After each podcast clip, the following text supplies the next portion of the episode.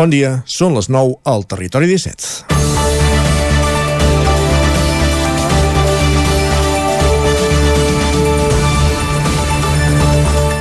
Carles Puigdemont està detingut en una presó a l'illa italiana de Sardenya. El va detenir ahir la policia italiana en aterrar en aquesta illa on tenia previst participar en una trobada de folclore al cap de setmana. La detenció desperta diversos dubtes que s'hauran de resoldre en les properes hores. El Parlament Europeu va aixecar la immunitat a Puigdemont, Clara Ponsatí i Toni Comín, entenent que es podien moure per territori europeu perquè l'ordre de detenció europea dictada pel Tribunal Suprem estava suspesa des del moment que el magistrat Pablo Llarena havia fet una consulta al Tribunal de Justícia de la Unió Europea sobre l'abast de les euroordres. De fet, Puigdemont s'ha mogut per Bèlgica i França sense problemes. Ara el Suprem diu que la seva euroordre mai ha estat suspesa i per això l'hauria detingut la policia italiana. Un jutge haurà de decidir en les properes hores si queda en llibertat, com va passar a Alemanya al març de 2018, on, on ordena l'extradició a Espanya, mesura contra la qual l'equip d'advocats de Puigdemont ja ha anunciat que recorreria. Comença el Territori 17 a la sintonia de Ràdio Cardedeu, la veu de Sant Joan, Ona Codinenca, Ràdio Vic, el 9 FM i el 9 TV. Territori 17, amb Isaac Moreno i Jordi Sunyer.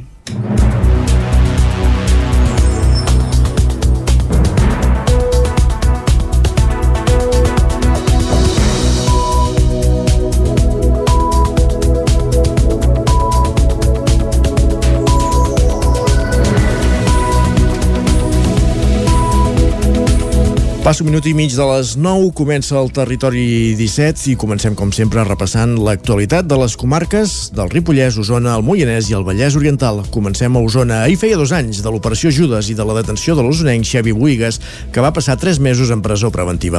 Els 13 investigats estan ara a l'espera que es fixi la data del judici a l'Audiència Nacional després que se'ls hagi processat per terrorisme. Clàudia, Clàudia Dinarès. Xavi Buigas va ser detingut al seu domicili a Sant Pere de Torelló el 23 de setembre de 2019. Al mateix dia, la Guàrdia Civil arrestava a vuit persones més vinculades al CDR en diferents municipis catalans en l'anomenada Operació Judes. Finalment, són 13 els investigats a la causa i l'Audiència Nacional els jutjarà per terrorisme. A nou d'ells, entre els quals no hi ha Buigas, també se'ls imputen delictes de tinença i fabricació d'explosius. L'auto del processament del magistrat Manuel García Castellón es va fer públic a mitjans de setembre. Ja en la fase final de la instrucció, la setmana vinent, hi haurà la declaració indagatòria que aquesta compareixença s'hagi fixat al jutjat de Vic i no a Madrid es llegeix com una bona notícia per part de Xevi Buigas i de la seva advocada Montserrat Vinyets. Els... Doncs m'imaginava el pitjor. M'imaginava anar a Madrid i possiblement no tornar i aquesta ha sigut una setmana una setmana dura fins que ens van comunicar que fèiem fèiem aquesta compareixença jo des de Vic, cadascú des, del seu, des, de la, des de la seva localitat Buigas, que va passar tres mesos en presó preventiva a Soto del Real entre el setembre i el desembre del 2019, manté que el seu activisme independentista sempre s'ha desmarcat de qualsevol tipus de violència. Defineix els darrers dos anys com a durs i destaca el suport rebut a Osona, que no ha canviat després dels indults als líders independentistes que complien penes de presó i la gent segueix i ens segueix parant pel carrer i quan fem documentals bé i et donen el suport. O sigui que jo penso que la gent eh, potser es va lleugerir un xic a l'hora d'haver-hi els indults però també saben que encara queden set exiliades i saben que hi han 3, més de 3.000 persones represaliades pel judici oral no hi ha data fixada. La defensa que coordina el col·lectiu Alerta Solidària s'enfocarà amb dos arguments principals. Ho detallava l'advocada de Buigas, Montserrat Vinyets. La pota tècnica a discutir eh, totes les irregularitats processals que s'han esdevingut durant tot el judici, que són moltes, i quan construeixes un procediment en funció de la ideologia de les persones que estan encartades és evident que hem de parlar de procés polític. El jutge Manuel García Castellón, eh, que ha acceptat el relat de la Fiscalia, considera que els investigats formarien part dins del CDR d'una unitat clandestina i radicalitzada.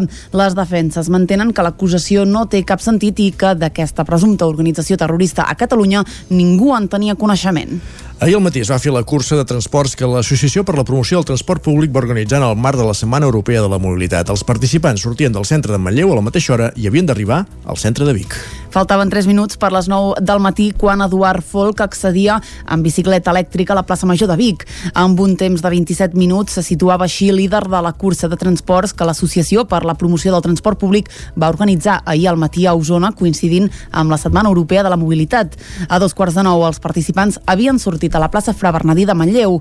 Independentment del mitjà de transport utilitzat, tots havien d'arribar a la plaça Major de Vic, Eduard Folk. Doncs he utilitzat un, un camí, una pista que connecta Manlleu amb, amb Vic i que està bastant bé i, i res, he anat tot el tram per allà fins a arribar al polígon de, de Vic, que llavors he anat recte fins a fins l'entrada. Només un minut després de Folk, Fermí Tanyà arribava a la plaça amb una bicicleta manual. El trajecte de Vic a Manlleu, pel camí que ressegueix la via del tren, el va completar en 28 minuts. L'inconvenient que té doncs, és que no està molt acondicionat, llavors has d'anar amb una bicicleta amb roda ampla, una mica de muntanya, perquè hi ha algun vessal, alguna pedra i algun tram que es podria millorar. Després de les bicicletes, el vehicle més ràpid va ser el cotxe elèctric. Joana Rodríguez el va aparcar a l'era d'en i va arribar a la plaça a peu, tot plegat, amb un, amb un temps de 33 minuts. I he decidit aparcar a l'entrada de Vic, no? per aprofitar els aparcaments disuasoris que hi ha a la ciutat. L'he deixat a prop de la Toyota, darrere de la Guàrdia Urbana, i sí que estava una mica ple les puntes, no? que són els més pròxims a, a la ciutat, eren ple i he hagut d'anar al mig. Un minut més tard va arribar Adrià Ramírez, que va fer el trajecte amb autobús. Hem arribat pràcticament igual que, que el cotxe. Uh, sí que teníem l'avantatge doncs, de que el bus passa mm. molt a prop tant del centre de Manlleu com del centre de Vic, en aquest cas, i per tant agafant-lo uh, al passeig Sant Joan de Manlleu i deixant-lo aquí a la carretera de, de Manlleu de Vic, uh, hem pogut anar, hem pogut anar molt, molt ràpid. Els últims en arribar van ser l'Eudali i en Jaume van fer el trajecte de Manlleu a Vic en tren, un viatge ràpid, però amb una trava important, la baixa freqüència de de trens. De fet, quan el seu comboi va sortir de Manlleu, quatre, amb 4 minuts de retard, la bici elèctrica de l'Eduard ja feia 6 minuts que havia arribat a Vic.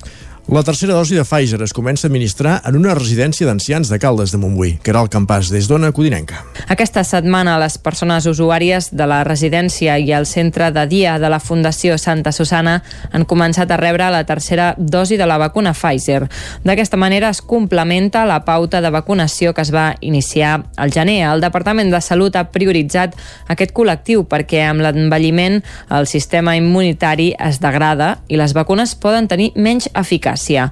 Anabel Mateos, directora de la Fundació d'Acollida Santa Susana, explica la importància d'aquesta tercera dosi. I ara de cara a la tardor, a després eh, no, el tema de la grip, pensem que és superimportant que, que realment es pugui administrar aquesta tercera dosi i que tothom pugui encarar no? eh, la tardor i l'hivern doncs, també amb un sistema de defenses més fort i que puguem anar mantenint aquesta normalitat que tenim ara de, de poder sortir, de poder fer vida dintre de tot el més normal possible. Per tant, eh, tothom ho ha rebut, és una notícia que tant els residents com els familiars ho han rebut de forma molt positiva i, i que esperem perquè ens continuï facilitant que estem tots bé. D'altra banda, i encara parlant de la campanya de vacunació a Caldes, ja té la pauta completa el 70,3% de la població, 12.533 persones. Un menor ferit greu en caure quan intentava robar escalant per un balcó al barri de l'Estadi, a Vic. Ara mateix està ingressat a l'Hospital Clínic de Barcelona. Un menor va haver de ser traslladat a l'Hospital Clínic de Barcelona amb pronòstic reservat després de caure a terra des d'una alçada considerable. Segons la Guàrdia Urbana de Vic, el noi estava escalant per un balcó al carrer Pius 12 al barri de l'Estadi on volia entrar a robar en un dels domicilis. Els fets van passar diumenge a la nit. I seguim en pàgina de successos. Els Mossos d'Esquadra van detenir un jove i en van denunciar un altre aquest dimarts a Vic per comprar amb una targeta robada per valor de 800 euros. Els Mossos d'Esquadra van detenir aquest dimarts un jove i en van denunciar un altre com a presumptes autors del furt d'una bossa de mà a dins d'un vehicle del qual en van extreure una targeta de crèdit i van fer compres per internet. Segons la policia, van fer una despesa en productes per valor de 800 euros. Els fets van tenir lloc a finals de novembre de l'any passat i ara ha culminat la investigació. Un dels joves va quedar detingut i va passar a disposició de la Fiscalia de Menors. Des dels Mossos aconsellen no deixar objectes de valor dins dels vehicles i sobretot que no estiguin a la vista i també tancar bé les portes per no posar-ho fàcil als lladres. El Comitè de Treballadors de C10, l'empresa municipal de Cardedeu, ha interposat una demanda per precarietat laboral i pràctiques antisindicals. El Partit Socialista, l'oposició, s'ha ofert per ajudar els treballadors. Núria Lázaro, des de Ràdio Televisió de Cardedeu. La UGT ha denunciat a l'empresa municipal C10 de Cardedeu per precarietat laboral i pràctiques antisindicals. Des del Partit Socialista, partit en l'oposició, demanden que aquesta situació no és nova i que al C10 els treballadors no tenen un calendari laboral i que les nòmines són opaques. Josep Quesada, del Partit Socialista. La veritat és que nosaltres el que volem és que eh, això s'arribi fins, fins, a, fins, fins al final, eh, que l'Ajuntament ho resolgui el abans possible. També us haig de dir que nosaltres ens posem en contacte, ja hem quedat amb, la, amb el comitè d'empresa i el conjunt de, de grups de l'oposició per parlar sobre, sobre, sobre aquest tema, perquè ens expliquin ells la, la, la seva versió, i, evidentment, posar-nos del costat dels treballadors, com no podria ser d'altra manera, a l'objecte de que es resolguin els problemes laborals que té aquesta empresa, perquè no entenem com una empresa municipal pot eh, precaritzar els llocs de treball, quan els llocs de treball en una empresa municipal haurien de ser dignes. Des del consistori asseguren haver parlat amb el comitè d'empresa al juny i que moltes de les millores que proposaven en l'àmbit organitzatiu i de conveni ja s'han efectuat aquest mes de setembre. Rafael Cavallaria, regidor d'Avaluació de Serveis.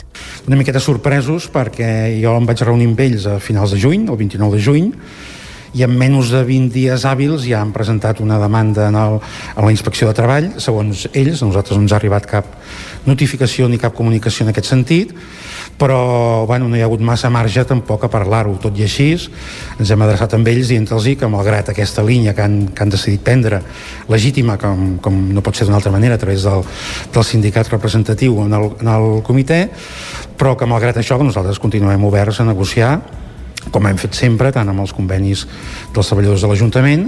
Aquest fet ja l'havia posat sobre la taula en Jordi Nadal del partit Junts per Cardedeu i en aquest proper ple municipal de dijous vinent el Partit Socialista tornarà a demanar una revisió i explicacions sobre els fets ocorreguts. El Terra Gollut Film Festival arrenca amb un homenatge a l'actriu Ariadna Gil aquest divendres al Teatre Comtal de Ripoll. Isaac Muntades, des de la veu de Sant Joan. Aquest divendres a les 9 de la nit el Terra Gollut Film Festival s'estrena al Teatre Comtal de Ripoll i ho farà amb un homenatge a l'actriu catalana de 52 anys Ariadna Gil, amb més d'una cinquantena de pel·lícules a les seves espatlles. Gil va guanyar el Premi Goya a la millor actriu l'any 1992 pel film Belle Époque, que també va aconseguir l'Oscar a la millor pel·lícula de parla no anglesa. Gil rebrà el Premi Honorífic del Festival Terra Gollut a la seva trajectòria audiovisual i cinematogràfica Bosca. En l'acte d'obertura també es projectarà Encara hi ha algú al bosc, una pel·lícula dirigida per Teresa Turiera Puigbo i Erol Hileri. El director del Terra Gullut Film Festival, Joaquim Roquer, va explicar de què anava aquesta pel·lícula, la qual entra a competició. Sobre, diguem, què va passar als Balcans amb les dones, no? Moltes les van violar i tot plegat, no? I, i aquesta, aquest film explica, doncs, amb testimonis, en primera persona, el que van viure aquelles dones, no? Resulta que aquesta pel·lícula forma part d'un projecte d'una entitat que es diu Cultura i Conflicte, en la qual doncs, s'han fet una obra de teatre, han fet una exposició i també doncs, aquest documental i també fan activitats per instituts. Pues resulta que la obra de teatre de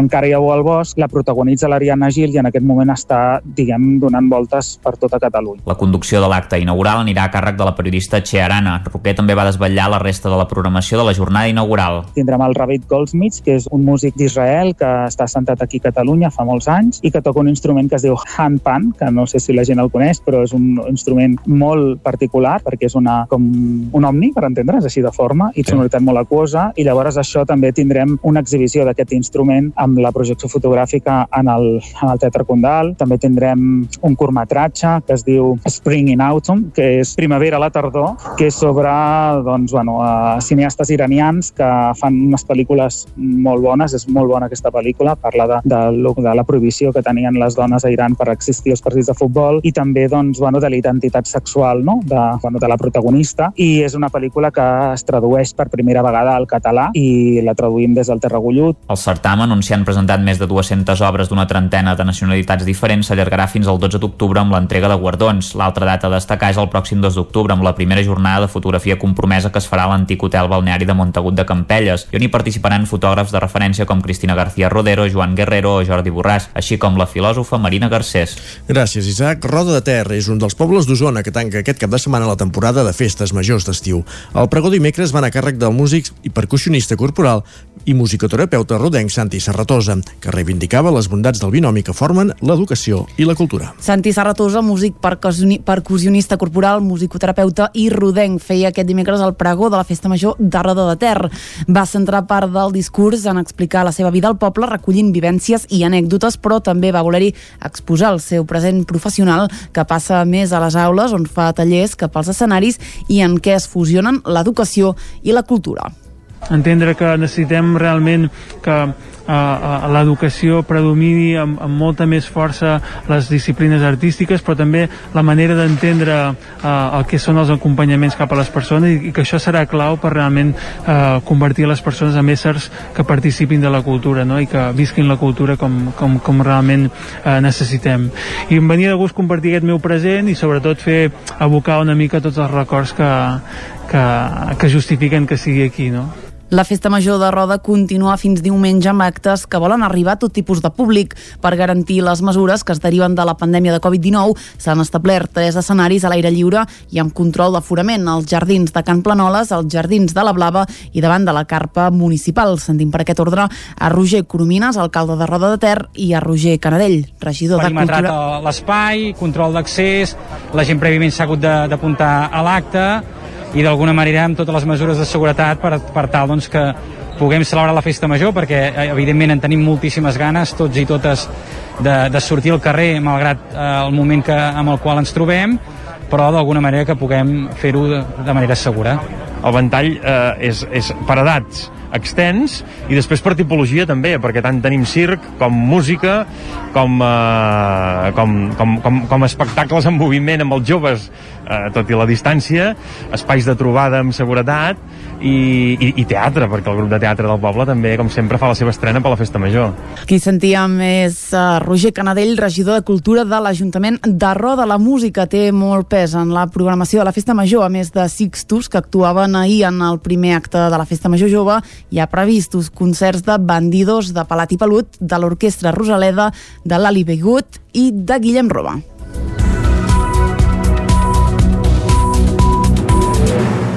Acabem aquí el repàs a les notícies del territori 17. Moment ara per la previsió meteorològica.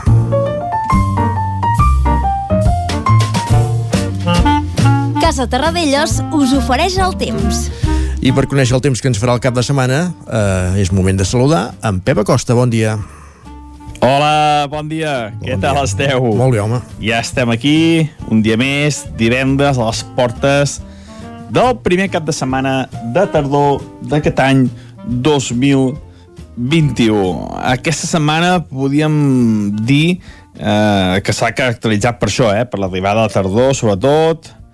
No ha sigut una setmana freda, ni molt menys. Sí que algun matí hem una mica de fred, eh, les temperatures migdia bastant suaus, i fora de les nostres comarques, sens dubte, el temps feia tot i que no és de meteorologia, ha estat el volcà de, de la Palma, impressionants les imatges, eh, una cosa realment única, no, no, no es veurà mai més segurament a, a prop de casa nostra, i és extraordinari, extraordinari, un espectacle de natura, tot i les greus conseqüències que ha tingut per molta gent, eh, és un gran un gran espectacle per això, eh? eh hem de prioritzar sempre que ha estat un, una cosa nefasta per molta gent, eh, una autèntica tragèdia, però això és la natura, eh? La natura té, té aquestes coses i, i, i, i és el que hi ha, eh? Vull dir, és, és impressionant les imatges que ens arriben des d'allà i és, és la, la natura, la natura té aquestes coses que són realment impressionants, aquesta explosió d'aquest volcà que no para de, de tirar lava i que prometo que un dia uh, faré un, un anàlisi més complet i us explicaré les característiques i, i tot això d'aquest volcà extraordinari que, que ha, esclatat a l'illa de, de la Palma. Anem ja per la meteorologia, com deia, anem, anem al tema, no ens desviem, i com deia això, eh, uh, ha estat una setmana bastant tranquil·la, una mica fresca els primers, els primers dies d'aquesta setmana amb vent de nord, però després hi ha hagut aquesta perturbació al País Valencià que ens aporta vents de sud i les temperatures han pujat. I el cap de setmana serà molt tranquil. Ja aviso, serà un cap de setmana molt tranquil, amb poca incidència meteorològica per fer les coses que tenim previstes, eh? Totes les coses que tenim previstes, el temps no afectarà especialment. I és que tant avui com dissabte com diumenge tindrem un cel mig ennuvolat, eh, no molt tapat ni molt menys, poder les tardes una mica més, però poca cosa, no s'esperen precipitacions a cap de les nostres comarques durant aquests 3 dies i amb unes temperatures molt suaus. Avui no tant, màximes de 25-26 graus, sobretot a les zones més càlides, però demà i diumenge s'enfilaran. Uh, tenim aquests vents entre sud, sud, sud-oest, que, que no paren de bufar, no ens aporten aire fred i per tant les temperatures seran molt suaus. Les màximes de cap de setmana es preveuen entre els 28, 29, fins i tot algun 30, gairebé 30 graus serem a les zones més càlides de les nostres comarques, eh? per tant temperatures molt, molt suaus. I com deia, no, no es preveu precipitacions, molts núvols, algun núvol, eh, poca cosa, un temps poc definit. Ara no tenim cap perturbació a prop, tampoc cap gran anticicló, eh, aquest temps, aquest pantà baromètric que porta això, eh? eh núvols, suavitat de temperatures i, i, i un, un temps bastant, bastant tranquil durant tot el cap de setmana. I això és tot, a disfrutar del cap de setmana, que com deia, eh, pel que fa al temps no, no heu de, de patir pels vostres plans. Bé, bé, bé. I a disfrutar d'aquest primer cap de setmana de, de tardor. Molt bé. Que vagi molt bé, ens escoltem dilluns. Adéu, bon dia. Casa Tarradellas us ha ofert aquest espai. Territori 17. Envia'ns les teves notes de veu per WhatsApp al 646 079 023. 646 079 023. WhatsApp Territori 17.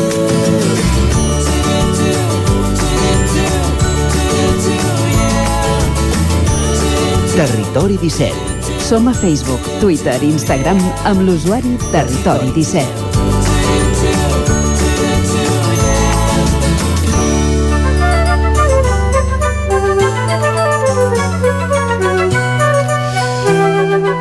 Doncs moment ara al Territori 17, Clàudia Dinarès, per repassar les portades de, de la premsa, dels diaris que surten avui als quioscos, i com a divendres comencem per les edicions d'Osona i el Ripollès i del Vallès Oriental del 9-9. Som-hi, bon dia de nou. Isaac, comencem, si et sembla, per l'edició d'Osona i el Ripollès, que diu la vacunació a Manlleu i Vic està per sota de la mitjana de Catalunya. La diferència s'accentua en els joves per la baixa percepció de risc si contrauen la malaltia. La imatge nou magatzem automatitzat a bon preu. Com dèiem a les notícies, dos anys de l'operació Judes. Xavi Buigas diu, em condiciona la vida i un veí de Llanars acaba a la Vall d'Hebron després d'haver patit una picada d'escurçó. Déu-n'hi-do. Vallès Oriental, ah, digues, digues. Exacte, anem a l'edició del Vallès Oriental que diu els bombers porten 50 rescats de muntanya al Vallès Oriental en només 9 mesos. L'esclat d'excursionistes, alguns de, pocs, de poc preparats, ha doblat les emergències en una dècada. A la imatge, la tercera dosi de la vacuna de la Covid ja és aquí i els nous contractes de lloguer a Mollet, Cardedeu i la Garriga regulats per llei amb preus màxims. Molt bé, ara sí, si et sembla, comencem a repassar diaris generals. Comencem pels que s'editen a Barcelona, el punt avui. Exacte, sí, comencem per al punt avui, amb la que, sens dubte, serà la notícia del dia. Puigdemont detingut, el president va ser retingut ahir a l'aeroport de l'Alguer per la policia fronterera italiana. Els agents no van aclarir on el duien ni quins serien els tràmits en les pròximes hores. Aragonès, en política encara, fa una defensa del català en la inauguració del curs universitari i en esports, tercer partit seguit del Barça sense victòria. Els blaugrana agreguen, eh, perdoneu, agreugen la crisi amb un empat a Cádiz que esgota el crèdit de Koeman. Veurem com acaba tot plegat. Més, Exacte. més portades. Anem al diari ara que diu Carles Puigdemont detingut a l'Alguer per la policia italiana. L'expresident és interceptat a la terrassa a Sardenya on havia de participar en unes jornades. A la imatge, prego social amb una plaça blindada. Eh, estem parlant de l'inici de la Mercè a Barcelona i l'Institut del Teatre envia a la Fiscalia un professor denunciat per assetjament. Més, el periòdico La Vanguardia. El periòdico. Anem al periòdico que diu un activista obre la Mercè post-Covid. Custodio Moreno reivindica la valentia de les veïnes normals en el pregó que obre la Festa Major de Barcelona. Aquí també veiem la notícia del dia. Itàlia deté Puigdemont i obre la possibilitat d'entregar-lo. L'economia va créixer menys del previst en el segon trimestre i en esports el Barça no passa de l'empat a Cádiz i allarga la seva crisi. I ara sí, La Vanguardia. Ara sí. Itàlia deté Puigdemont en aterrar a Sardenya. La policia arresta l'expresident només baixar de l'avió en virtut de l'euroordre de Llarena, tot i que hi ha pendent una consulta del Tribunal eh, de Justícia Europeu sobre el cas de Lluís Puig a Bèlgica. Les patronals rebutgen les propostes de pujada fiscal de la Conselleria d'Economia Economia és un altre tema i Junts i Esquerra reclamen la fi de la repressió i el PP que sigui extradit. I anem a les portades a Madrid. Aquí deuen fer sang amb el cas Puigdemont. Ja, què diuen? Doncs bé, n'hi han que en parlen, n'hi han que no. Uh, anem al país que diu la mobilització pel clima sacseja al final de la campanya a Alemanya. Uh, la imatge d'avui del país diu sense casa, sense feina i sense res. La família d'Aníbal Díaz va perdre en unes hores la seva vivenda a punt de ser engolida per la lava i també les seves feines. Per tant, uh, destaquen els drames que que comporta el volcà. No hi veiem absolutament res de Carles Puigdemont, Uh, sí que hi veiem un titular que diu Espanya es queda a la cua d'Europa en la recuperació més portades. Aquí sí, eh? a partir d'aquí sí que veurem a Puigdemont, anem al Mundo, que diu detingut Puigdemont a Sardenya per ordre del Tribunal Suprem. La policia italiana el va detenir ahir a la nit a l'aeroport de l'Alguer en compliment de l'ordre de busca i captura cursada pel jutge Llarena. També veiem els Reis, que hi van ser a la Palma, van dir a les víctimes que sortiran, de, que, que tot anirà bé, que, que no els hi faltaran ajudes, vaja. Anem a la Razón, que diu detingut Puigdemont a Sardenya per l'euroordre del Suprem, també tornem a veure els Reis eh, portant esperança de la tragèdia i acabem com sempre amb l'ABC que diu Puigdemont detingut a Sardenya per ordre del Suprem, fugat de la justícia des de l'any 2017. L'expresident català va ser detingut ahir a la nit. També veiem aquest binomi, Puigdemont i els Reis d'Espanya. Molt bé, doncs moltíssimes gràcies, Clàudia, per aquest repàs de portades. Nosaltres continuem al Territori 17, ara farem una pausa, però continuarem tot seguit amb més notícies de, de les nostres comarques i tot el que ens depara aquest divendres 24 de setembre.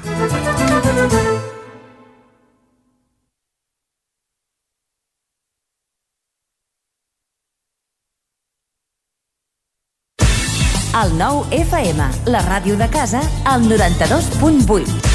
Anuncia't al 9 FM. La ràdio de casa. 9 3 8 8 9 4 9 4 9. Publicitat arroba al 9fm.cat. Anuncia't al 9 FM. La publicitat més eficaç.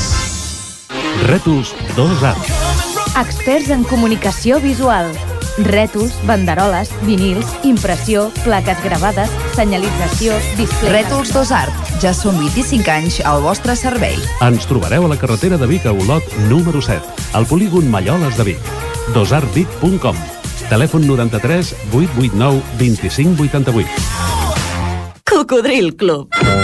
Si t'agrada la bona música dels anys 60, 70 i 80, escolta el 9 FM els matins de dissabtes i diumenges d'11 a 1. És el temps del Cocodril Club, tot un clàssic de la ràdio, amb les bases del pop-rock, les llegendes, les cançons que s'han convertit en autèntics himnes. Recorda, dissabtes i diumenges al matí, d'11 a 1, al 9 FM 92.8. Cocodril Club, el programa revival de l'Albert Malla. Hasta luego, cocodrilo. Cocodril Club. Si t'agrada la bona música dels anys 60, 70 i 80, escolta el 9 FM els matins de dissabtes i diumenges d'11 a 1. És el temps del Cocodril Club, tot un clàssic de la ràdio, amb les bases del pop-rock, les llegendes, les cançons que s'han convertit en autèntics himnes. Recorda, dissabtes i diumenges al matí d'11 a 1, al 9 FM 92.8. Cocodril Club, el programa revival de l'Albert Malla. Hasta luego, Els idiomes són la teva assignatura pendent? Matricula't anglès o francès a l'EOI Osona, l'Escola Pública d'Idiomes a Vic. Per més informació, consulta la web eoiosona.cat i trobaràs l'oferta de cursos i horaris, així com les bonificacions i exempcions de matrícula. També ens pots trucar al 93 889 3830 a partir de l'1 de setembre. Mudances a la carta. Som especialistes en muntatge i desmuntatge de mobles. Oferim servei de guardamobles i fem mudances a tot el territori. Trasllats de pianos i peces delicades i també fem embalatge i protegim. Mudances a la carta. Serveis adaptats a cada client. Ens trobaràs al telèfon 605 04 34 75. Els idiomes són la teva assignatura pendent?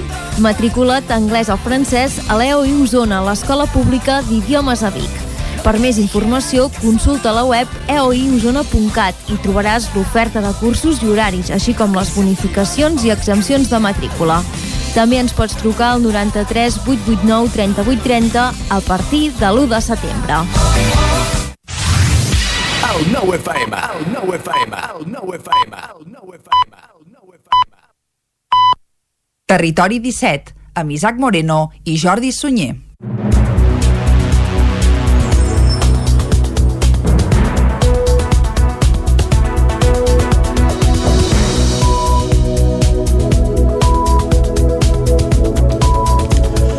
Arribats a aquest punt al territori 17, és moment de repassar les notícies més destacades de les nostres comarques, les comarques del Ripollès, Osona, el Moianès i el Vallès Oriental.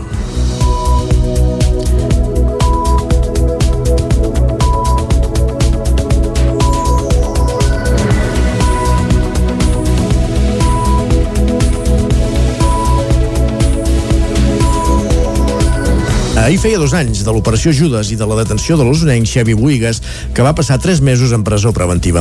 Els 13 investigats estan ara a l'espera que es fixi la data del judici a l'Audiència Nacional després que se'ls hagi processat per terrorisme. Clàudia, Clàudia Dinarès. Xevi Buigas va ser detingut al seu domicili a Sant Pere de Torelló el 23 de setembre de 2019. Al mateix dia, la Guàrdia Civil arrestava a vuit persones més vinculades al CDR en diferents municipis catalans en l'anomenada Operació Judes. Finalment, són 13 els investigats a la causa i l'Audiència Nacional el jutjarà per terrorisme. A nou d'ells, entre els quals no hi ha Buigas, també se'ls imputen delictes de tinença i fabricació d'explosius. L'auto del processament del magistrat Manuel García Castellón es va fer públic a mitjans de setembre. Ja en la fase final de la instrucció, la setmana vinent, hi haurà la declaració indagatòria. Que aquesta compareixença s'hagi fixat al jutjat de Vic i no a Madrid es llegeix com una bona notícia per part de Xevi Buigas i de la seva advocada Montserrat Vinyets. Els... Doncs m'imaginava el pitjor. M'imaginava anar a Madrid i possiblement no tornar i aquesta ha sigut una setmana una setmana dura fins que ens van comunicar que fèiem fèiem aquesta compareixença jo des de Vic, cadascú des, del seu, des, de la, des de la seva localitat Buigas, que va passar tres mesos en presó preventiva a Soto del Real entre el setembre i el desembre del 2019, manté que el seu activisme independentista sempre s'ha desmarcat de qualsevol tipus de violència. Defineix els darrers dos anys com a durs i destaca el suport rebut a Osona, que no ha canviat després dels indults als líders independentistes que complien penes de presó i la gent segueix i ens segueix parant pel carrer i quan fem documentals bé i et donen el suport. O sigui que jo penso que la gent eh, potser es va lleugerir un xic a l'hora d'haver-hi els indults però també saben que encara queden set exiliades i saben que hi han 3, més de 3.000 persones represaliades pel judici oral no hi ha data fixada. La defensa que coordina el col·lectiu Alerta Solidària s'enfocarà amb dos arguments principals. Ho detallava l'advocada de Buigas, Montserrat Vinyets. La pota tècnica a discutir eh, totes les irregularitats processals que s'han esdevingut durant tot el judici, que són moltes, i quan construeixes un procediment en funció de la ideologia de les persones que estan encartades, és evident que hem de parlar de procés polític. El jutge Manuel García Castellón, eh, que ha acceptat el relat de la Fiscalia, considera que els investigats formarien part dins del CDR d'una unitat clandestina i radicalitzada. Les defenses mantenen que l'acusació no té cap sentit i que d'aquesta presumpta organització terrorista a Catalunya ningú en tenia coneixement. Ahir al matí es va fer la cursa de transports que l'Associació per la Promoció del Transport Públic va organitzar en el marc de la Setmana Europea de la Mobilitat. Els participants sortien del centre de Manlleu a la mateixa hora i havien d'arribar al centre de Vic. Faltaven 3 minuts per les 9 del matí quan Eduard Folk accedia en bicicleta elèctrica a la plaça Major de Vic. Amb un temps de 27 minuts se situava així líder de la cursa de transports que l'Associació per la Promoció del Transport Públic va organitzar ahir al matí a Osona, coincidint amb la Setmana Europea de la Mobilitat. A dos quarts de nou, els participants havien sortit a la plaça Fra Bernadí de Manlleu. Independentment del mitjà de transport utilitzat, tots havien d'arribar a la plaça Major de Vic, Eduard Folk. Doncs he utilitzat un, un camí, una pista que connecta Manlleu amb, amb Vic i que està bastant bé i, i res, he anat tot el tram per allà fins a arribar al polígon de, de Vic, que llavors he anat recte fins a fins l'entrada. Només un minut després de Folk, Fermí Tanyà arribava a la plaça amb una bicicleta manual. El trajecte de Vic a Manlleu, pel camí que ressegueix la via del tren, el va completar en 28 minuts. L'inconvenient que té doncs, és que no està molt acondicionat, llavors has d'anar amb una bicicleta amb roda ampla, una mica de muntanya, perquè hi ha algun vessal, alguna pedra i algun tram que es podria millorar. Després de les bicicletes, el vehicle més ràpid va ser el cotxe elèctric. Joana Rodríguez el va aparcar a l'era d'en i va arribar a la plaça a peu, tot plegat, amb un, amb un temps de 33 minuts. I he decidit aparcar a l'entrada de Vic, no? per aprofitar els aparcaments disuasoris que hi ha a la ciutat. L'he deixat a prop de la Toyota, darrere de la Guàrdia Urbana, i sí que estava una mica ple les puntes, no? que són els més pròxims a, a la ciutat, eren ple i he hagut d'anar al mig. Un minut més tard va arribar Adrià Ramírez, que va fer el trajecte amb autobús. Hem arribat pràcticament igual que, que el cotxe. Uh, sí que teníem l'avantatge doncs, de que el bus passa molt a prop tant del centre de Manlleu com del centre de Vic, en aquest cas, i per tant agafant-lo uh, al passeig Sant Joan de Manlleu i deixant-lo aquí a la carretera de, de Manlleu de Vic, uh, hem pogut anar, hem pogut anar molt, molt ràpid. Els últims en arribar van ser l'Eudali i en Jaume van fer el trajecte de Manlleu a Vic en tren, un viatge ràpid però amb una trava important, la baixa freqüència de trens. De fet, quan el seu comboi va sortir de Manlleu, quat, amb 4 minuts de retard, la bici elèctrica de l'Eduard ja feia 6 minuts que havia arribat a Vic. La tercera dosi de Pfizer es comença a administrar en una residència d'ancians de Caldes de Montbui. Caral Campàs, des d'Ona Codinenca. Aquesta setmana les persones usuàries de la residència i el centre de dia de la Fundació Santa Susana han començat a rebre la tercera dosi de la vacuna Pfizer. D'aquesta manera es complementa la pauta de vacunació que es va iniciar al gener. El Departament de Salut ha prioritzat aquest col·lectiu perquè amb l'envelliment el sistema immunitari es degrada i les vacunes poden tenir menys eficàcia eficàcia. Anabel Mateos, directora de la Fundació d'Acollida Santa Susana, explica la importància d'aquesta tercera dosi. I ara de cara a la tardor, eh, després eh, no, el tema de la grip, pensem que és superimportant que, que realment es pugui administrar aquesta tercera dosi i que tothom pugui encarar no? eh, la tardor i l'hivern pues, també amb un sistema de defensa més fort i que puguem anar mantenint aquesta normalitat que tenim ara de, de poder sortir, de poder fer vida dintre de tot el més normal possible. Per tant, per tothom ho ha rebut, és una notícia que tant els residents com els familiars ho han rebut de forma molt positiva i, i que esperem perquè ens continuï facilitant que estem tots bé. D'altra banda, i encara parlant de la campanya de vacunació a Caldes, ja té la pauta completa el 70,3% de la població, 12.533 persones. Un menor ferit greu en caure quan intentava robar escalant per un balcó al barri de l'Estadi, a Vic. Ara mateix està ingressat a l'Hospital Clínic de Barcelona. Un menor va haver de ser traslladat a l'Hospital Clínic de Barcelona amb pronòstic reservat. Després de caure a terra des d'una alçada considerable, segons la Guàrdia Urbana de Vic, el noi estava escalant per un balcó al carrer Pius 12 al barri de l'Estadi on volia entrar a robar en un dels domicilis. Els fets van passar diumenge a la nit. I seguim en pàgina de successos. Els Mossos d'Esquadra van detenir un jove i en van denunciar un altre aquest dimarts a Vic per comprar amb una targeta robada per valor de 800 euros. Els Mossos d'Esquadra van detenir aquest dimarts un jove i en van denunciar un altre com a presumptes autors del furt d'una bossa de mà a dins d'un vehicle del qual en van extreure una targeta de crèdit i van fer compres per internet. Segons la policia van fer una despesa en productes per valor de 800 euros. Els fets van tenir lloc a finals de novembre de l'any passat i ara ha culminat la investigació. Un dels joves va quedar detingut i va passar a disposició de la Fiscalia de Menors. Des dels Mossos aconsellen no deixar objectes de valor dins dels vehicles i sobretot que no estiguin a la vista i també tancar bé les portes per no posar-ho fàcil als lladres. El Comitè de Treballadors de C10, l'empresa municipal de Cardedeu, ha interposat una demanda per precarietat laboral i pràctiques antisindicals. El Partit Socialista, l'oposició, s'ha ofert per ajudar els treballadors. Núria Lázaro, des de Ràdio Televisió de Cardedeu. La UGT ha denunciat a l'empresa municipal C10 de Cardedeu per precarietat laboral i pràctiques antisindicals.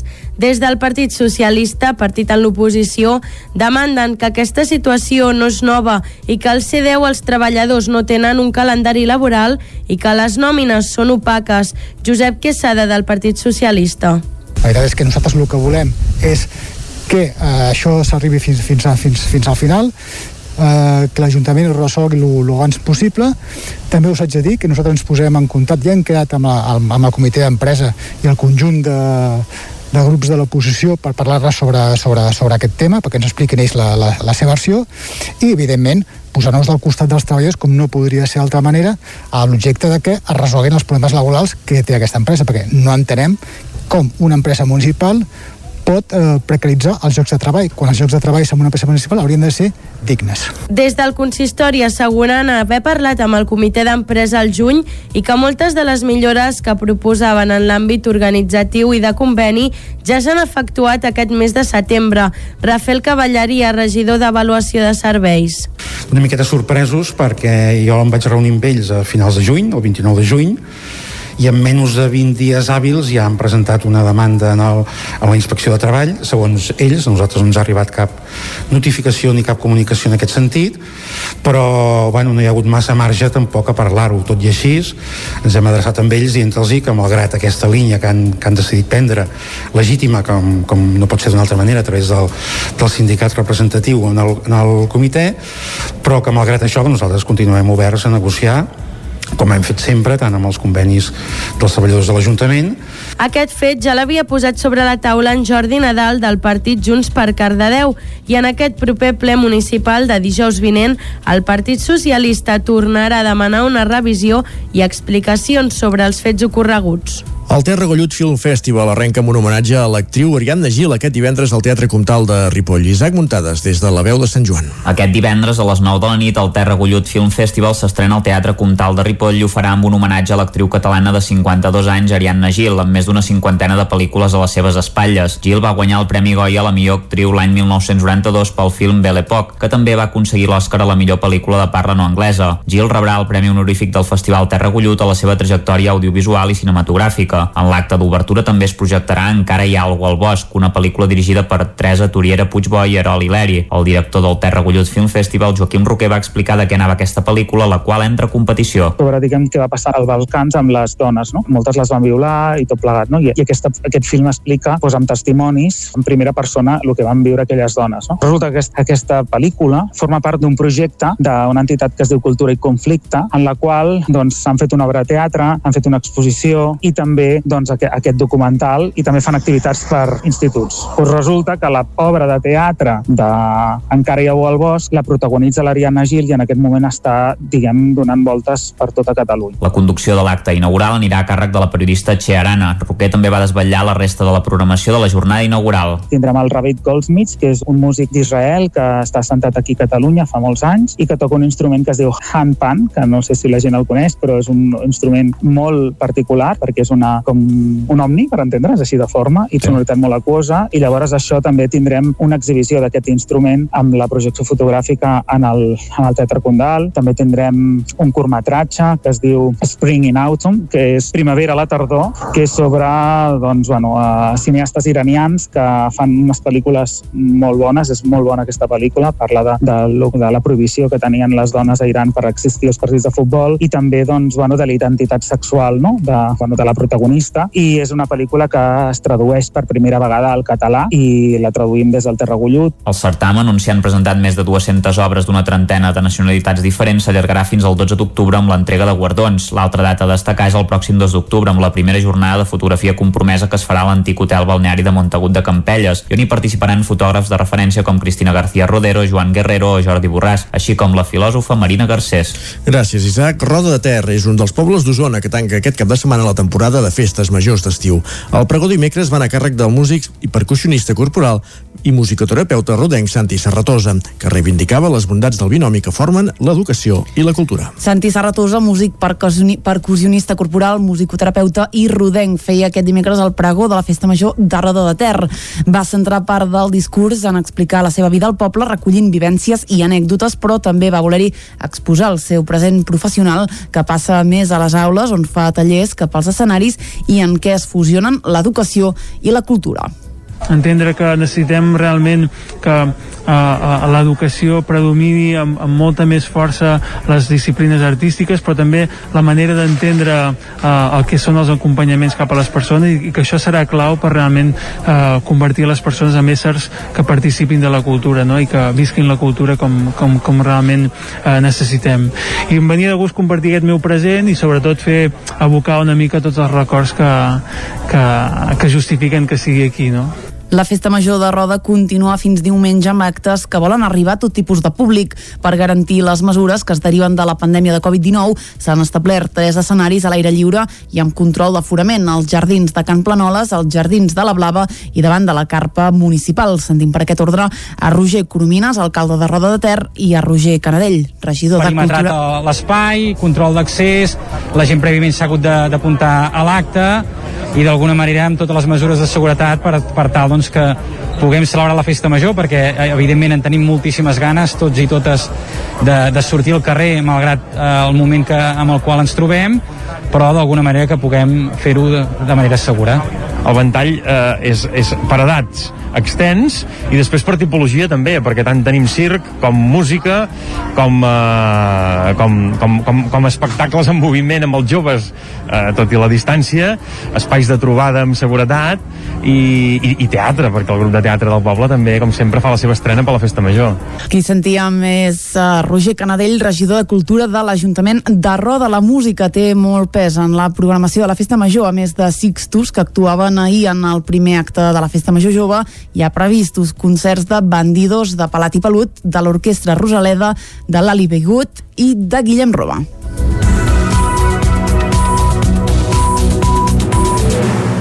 Acabem aquí el repàs a les notícies del territori 17, movent ara per la previsió meteorològica.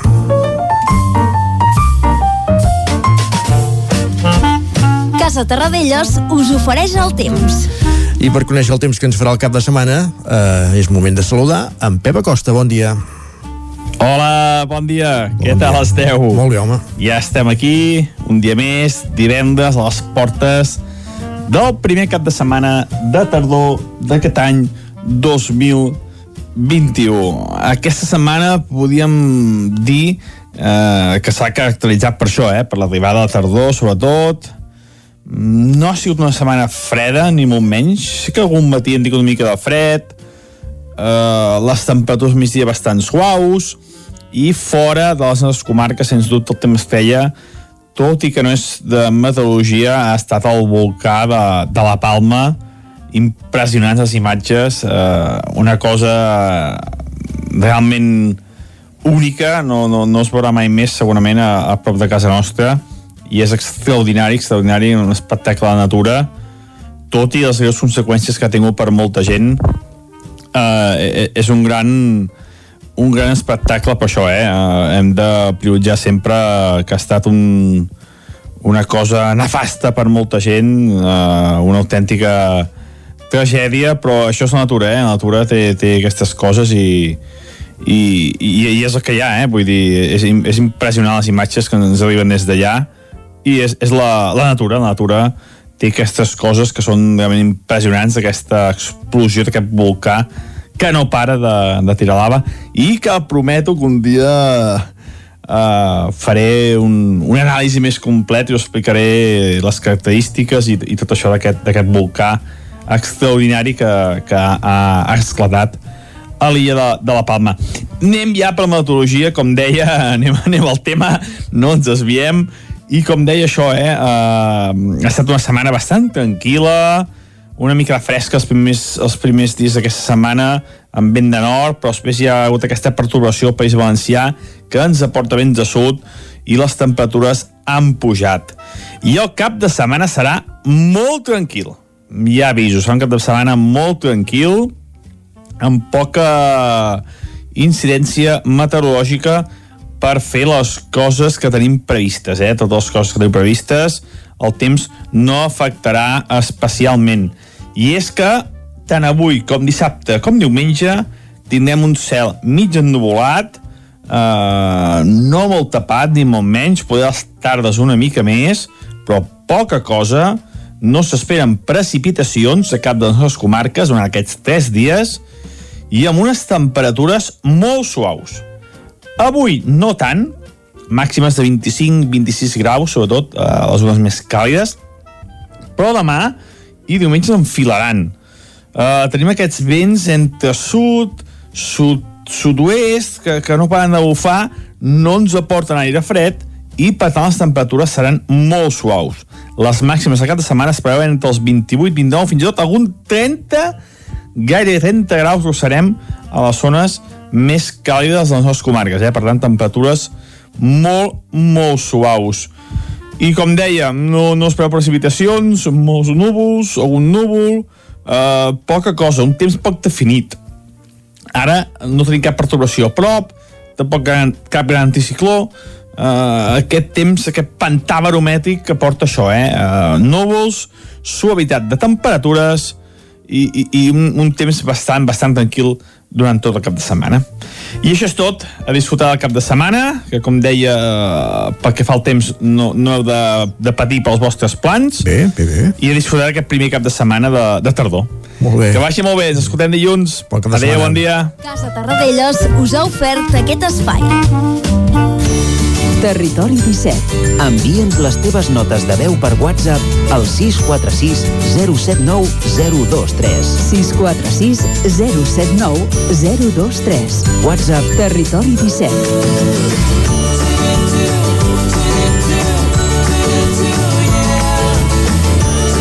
Territori 17. Som a Facebook, Twitter i Instagram amb l'usuari Territori 17.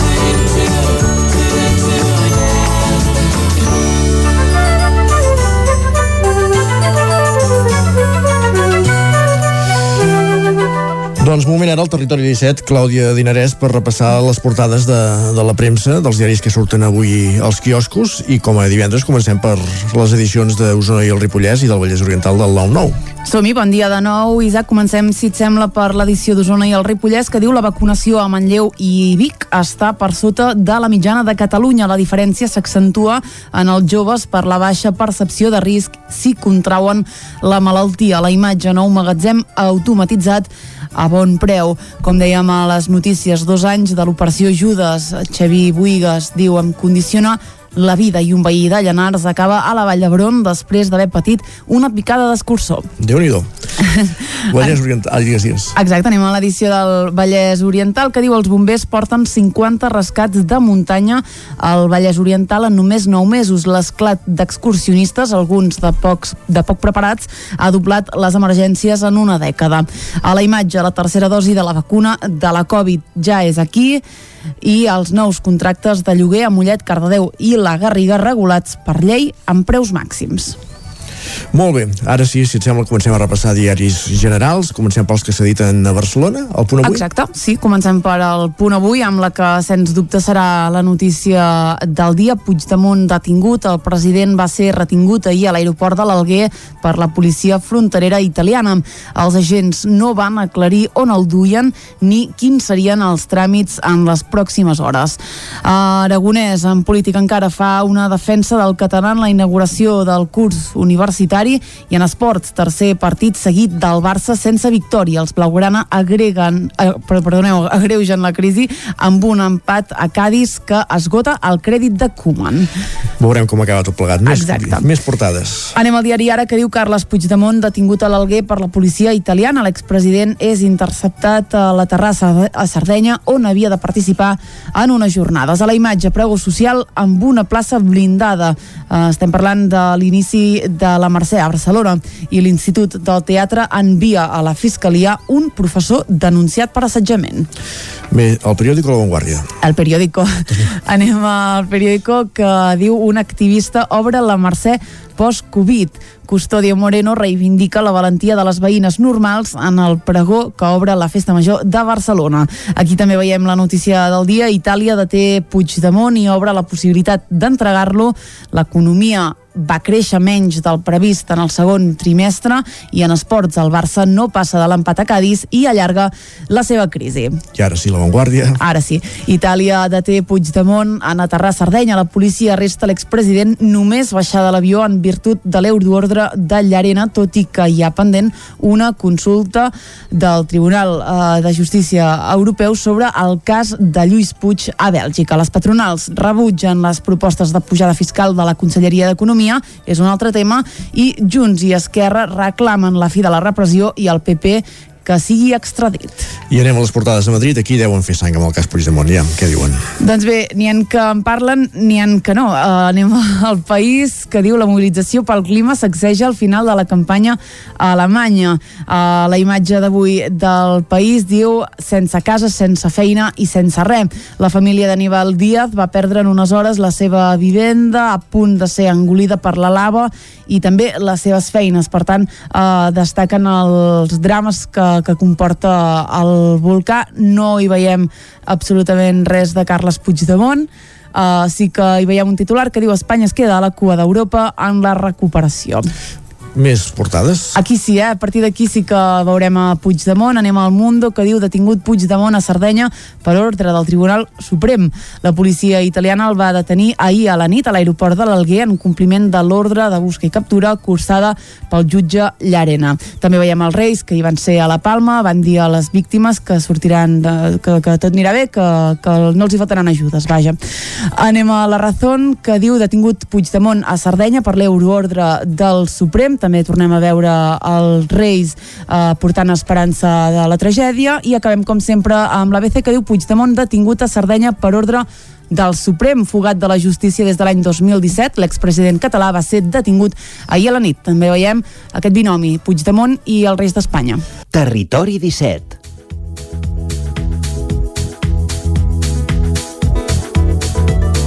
Repassades les portades, 4 minuts i seran les 10 del matí. Anem per acabar aquesta primera hora del Territori 17, tot recordant-vos la resta de continguts que tindrem en les dues properes hores.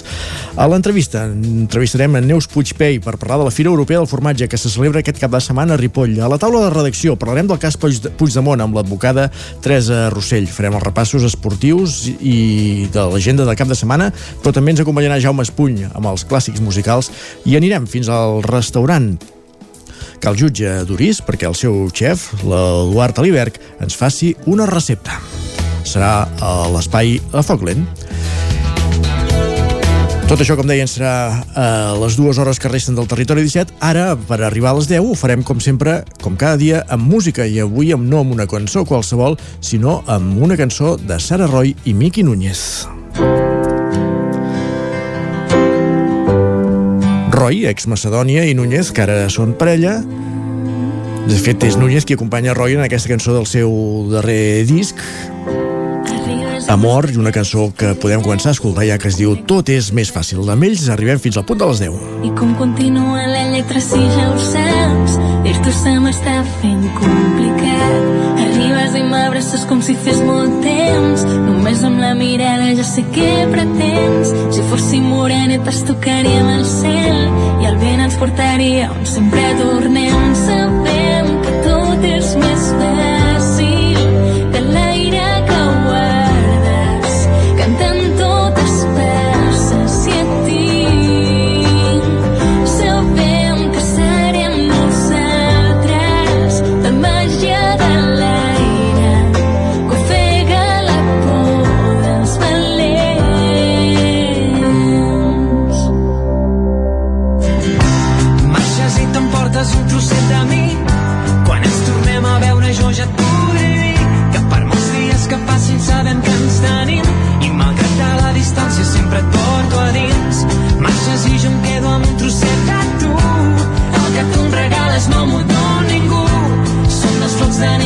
se quedi iglú i aquesta cançó la fa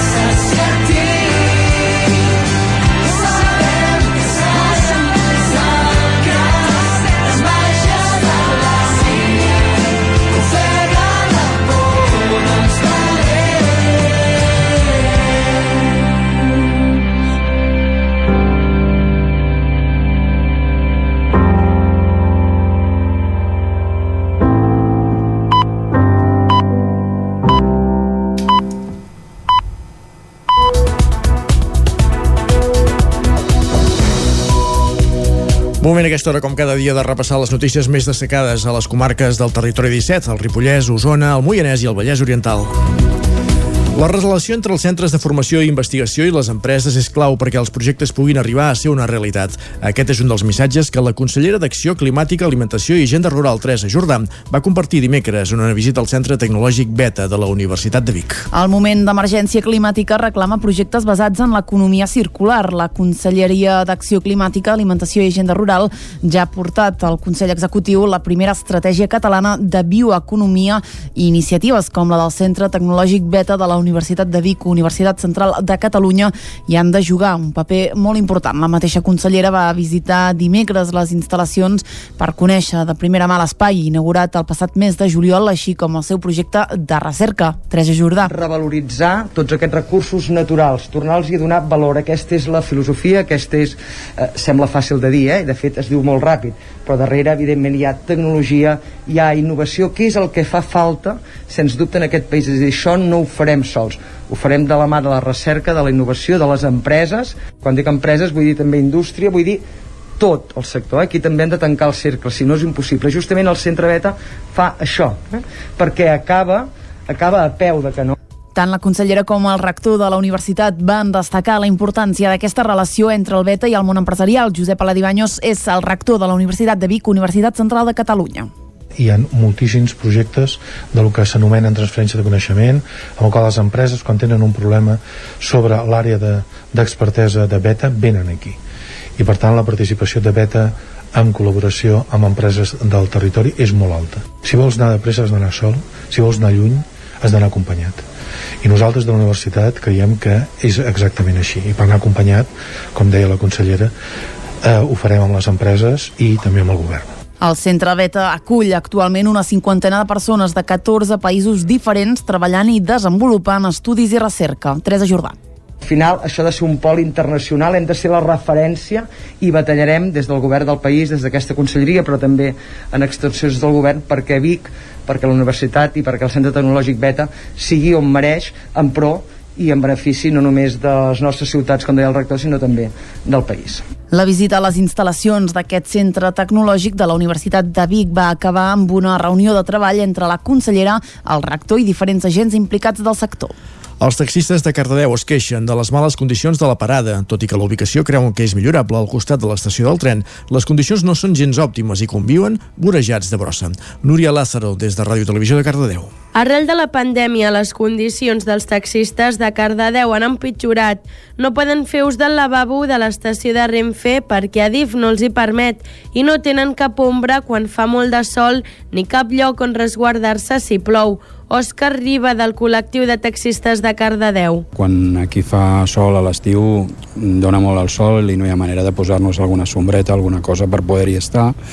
Uh, aquí queda un racó que bueno, per les nits eh, s'hi ajunta aquí una sèrie de gent, ens vandalitzen el, la cabina del telèfon contínuament i bé, tota aquesta sèrie de coses brutícia que es queda per aquí sempre amagatzemada i bàsicament és això. Un altre dels punts conflictius és la brutícia que hi ha a la seva zona de treball, així com la cabina telefònica que no té pany i on els hi han robat el telèfon moltes vegades. És per això que han optat per portar-ne un de casa i endur-se'l al vespre. Comenten, però, que des de l'Ajuntament sempre han rebut el màxim suport possible. Òscar Riba. Gràcies a l'Ajuntament, doncs, bueno, ara formem part d'una àrea conjunta d'actuació, eh, l'Ajuntament s'hi ha implicat amb això i, i formem part d'una àrea conjunta de, tot el Vallès Oriental i Occidental, eh, i en aquest cas en qüestió de la parada doncs també s'ha interessat perquè aquí no tenim forma d'anar al servei. I abans fèiem servir els serveis de Renfe però de, amb el tema Covid estan, estan tancats i l'Ajuntament va venir a veure si podia fer de mitjancer entre nosaltres i Renfe per poder fer servir aquest, aquests serveis i va ser impossible. La part positiva del col·lectiu de taxistes de Cardedeu és l'àrea comuna, que s'ha creat amb els dos vallesos on poden recollir clients a d'altres poblacions sense ser multats. Gràcies, Núria. Canviem d'ubicació. La taxa d'escolarització a Caldes de Montbui és superior en gairebé totes les etapes educatives, a la mitjana de Catalunya i a la mitjana de la comarca. Que era campàs des d'Ona Codinenca. L'informe de planificació educativa generat des de l'Ajuntament de Caldes en col·laboració amb la Comissió del Mapa Escolar demostra que la taxa d'escolarització a Caldes de Montbui és superior en gairebé totes les etapes educatives a la del Vallès Oriental i a la de Catalunya. En l'única etapa educativa on això no succeeix és en el cas dels cursos de formació professional. A més, el document demostra que Caldes és un municipi receptor de població escolar de l'entorn. Els alumnes venen sobretot de Vigues i Riells del FAI, de Sant Feliu de Codines i de Palau Solità i Plegamans. Una de les conclusions més importants de l'informe és la necessitat d'incrementar l'oferta de formació professional per poder completar alguns itineraris formatius. Josep Busquets és regidor d'Educació. Caldria incrementar l'oferta de formació professional, que actualment és inferior a la del Vallès Oriental i a la de Catalunya, i en aquesta etapa l'oferta no pot ser municipal, ja que cal tenir en compte altres factors com la demanda dels alumnes, l'oferta existent a nivell comarcal i de Catalunya, les necessitats del sector productiu i el nivell d'inserció laboral. Amb la creació d'aquest informe hi ha una doble intenció. Des del consistori es pretén també que serveixi d'orientació al Departament d'Educació de la Generalitat. Aquest informe, l'objectiu és passar-lo al Departament, que ja s'ha enviat, l'hem enviat al Departament d'Educació, a l'hora que el tinguin en compte a l'hora de planificació de, de, les, de les, dels cursos eh, escolars doncs que, que tinguin en compte el nostre informe a l'hora d'ampliar de, línies, de grups, eh, etc etc. Aquest informe és el més exhaustiu que s'ha fet mai al municipi. S'analitzen una gran quantitat de dades demogràfiques, evolució de la població i matrícules escolars. Gràcies, Caral les aules de... les escoles de Vic, perdó, disposen d'un nou espai on treballar les competències digitals. S'anomena Robòtic Espai Didàctic i ja està en marxa a l'edifici de la Farinera. Robòtic Espai Didàctic, ubicat a la Farinera Centre d'Arts Visuals, formarà 61 professionals de l'educació i rebrà la visita d'uns 6.000 alumnes els primers mesos que estarà en funcionament. Vic posa en marxa així un nou espai didàctic per treballar les competències digitals claus per al futur de la societat i dels llocs de feina que s'han de crear els pròxims anys. Entre entre els objectius del nou espai hi ha els de reduir la bretxa digital, fomentar i potenciar el talent i desenvolupar el pensament creatiu. Ricard Huguet és el director de Robòtic que no parlem de conceptes abstractes, sinó que fem, eh, parlem de solucionar problemes del dia a dia i vincular realment amb, amb els aprenentatges del dia a dia de l'aula. Estem resolent problemes, estem parlant de la fotosíntesi, estem parlant de mecànica, estem parlant de palanques, estem treballant amb les mans i connectant el que veiem en el món digital, el que veiem en el món de tres dimensions. En una primera fase, l'espai robòtic se centrarà en formar alumnes i professors de primària i secundària de la ciutat amb la mirada posada en activitats extraescolars i universitàries. Més endavant s'obrirà a tota la ciutadania. Sentim a Anna R, alcaldessa de Vic, i també a Elisabet Franquesa, regidora d'Educació. Per nosaltres sabem que és una de les millors inversions que podem fer a la nostra ciutat, apostar per l'educació, que hem de ser capaços de fer uns nens i nenes oberts, amb capacitats, amb habilitats, amb trobar-se doncs, resolució de problemes i sobretot en aquest món doncs, més digital. Ajudem en els nostres centres educatius, a la nostra comunitat educativa, els nostres talents, els nostres futurs talents, com avançar, com créixer en aquest sentit. Els responsables de robòtic destaquen que els alumnes podran aprendre jugant i amb motivació afrontant projectes i treballs en equip. El 23 d'octubre s'organitzarà una jornada de portes obertes perquè tothom qui ho vulgui pugui conèixer aquest nou equipament de la ciutat. I obrim la pàgina cultural al Ripollès. Bet, Helena Gadel, Manuel Fuentes o Sílvia Bel configuren un cicle de tardor del SAT Teatre Centre de Sant Joan de Luxe. Isaac Muntades, des de la veu de Sant Joan. El cicle de tardor del SAT Teatre Centre de Sant Joan de les Abadeses 2020 2021 va presentar un cartell de luxe de cara als pròxims 3 mesos, en què vindran primeres espases del panorama musical català. En total, queden 5 actuacions que s'encetaran el pròxim 17 d'octubre al Palau de l'Abadia a dos quarts d'una de la tarda amb el concert de les dones Strings, que ja són unes habituals dels cicles Sant Joanins des que es van encetar fa 3 anys i mig. El trio, format per Marina Prades, Anna Orpí i Marta Pons, que canten i toquen dos violins i un cello, presentaran en un petit format l'estrena mundial del nou viatge. A partir d'aquí, cada espectacle comptarà amb un personatge mediàtic d'una gran qualitat artística. Manel Fuentes actuarà al Teatre Centre el 20 23 d'octubre a dos quarts de nou del vespre amb la vida de Bruce. Jordi Garrigues, el director del SAT Teatre Centre de Sant Joan. Fa gairebé un parell o tres anys que té tot, tot una banda. Aquí veiem un format en lloc de cinc persones en veiem tres, però la veritat és que si ningú no l'ha escoltat és espectacular perquè ell canta, tot això que sempre tenim clar que és el presentador d'aquests programes musicals de, que fan imitacions, doncs ell, la veritat és que tanques els ulls i veus el Bruce Springsteen. La veritat té una, té una qualitat de tota la seva banda que està molt bé. A més, el seu grup hi toca Aitor Frank, que és el seu saxo de referència i té una relació estreta amb Sant Joan. El diumenge 31 d'octubre, a dos quarts d'una, al Palau de l'Abadia hi haurà l'espectacle Sílvia Bel i Trio amb A partir del silenci, en què una actriu del seu nivell farà l'aportació teatral amb una sèrie de lectures dramatitzades de poemes de la literatura catalana. Els tres espectacles restants es faran al Teatre Centre. El següent serà el 20 de novembre a dos quarts de nou del vespre amb la cantant Helena Gadel i la guitarrista de les Migues Marta Robles amb les dones de la meva vida. Aquest és un espectacle que la gent que si no el coneix o la gent que l'ha conegut és un dels...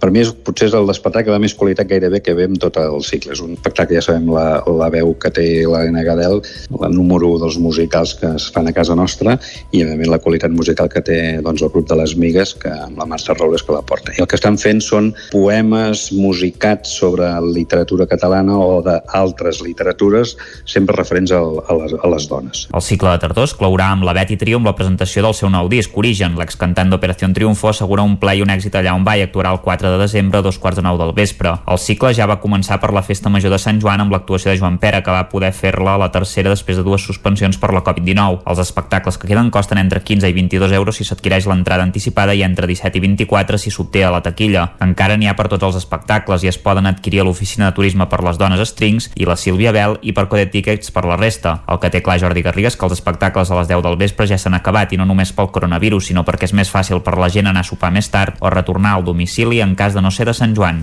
Gràcies, Isaac. Acabem amb Manlleu. Per segon any consecutiu, la pandèmia ha obligat a repensar la fira gastronòmica del porc i la cervesa. Del 30 de setembre al 3 d'octubre, diversos espais de la ciutat acolliran els tastets. No hi faltaran els productes estrella de la fira, les cerveses artesanes i els embotits de proximitat. La música també tindrà un paper destacat. Un cartell de Nadia Dillon il·lustra el que seran els tastets del porc i la cervesa la fira gastronòmica amb més història de Manlleu. Per segon any consecutiu, la pandèmia no ha permès fer-la en el seu format habitual, però del 30 de setembre al 3 d'octubre la mostra tornarà amb el format de tastets. Eudal Sallarès és el regidor de promoció econòmica de l'Ajuntament de Manlleu.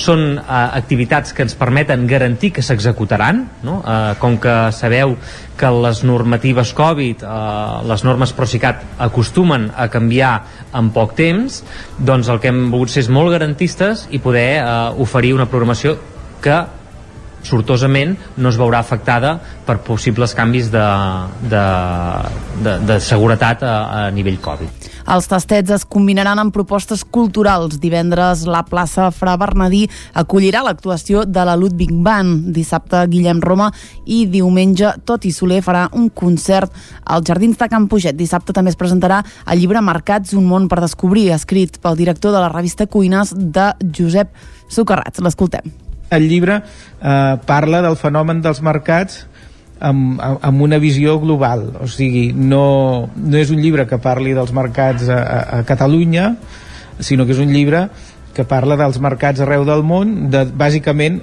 dues característiques comunes que comparteixen tots, no? que és que és el lloc on ens proveïm d'aliments, també és el lloc on es produeixen relacions socials, intercanvi d'idees, de coneixements, justament perquè concentren a molta gent. Entre d'altres, també es farà un tast guiat de cerveses catalanes a càrrec de Bier de Xeidanya, un jove manlleuenc amb gairebé 19.000 seguidors a Instagram.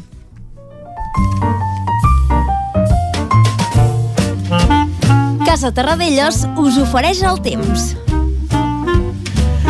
I com sempre, un cop repassada la informació, és moment de repassar la previsió meteorològica per les properes hores, pel proper cap de setmana. I com sempre, en Pep Acosta. Bon dia, Pep.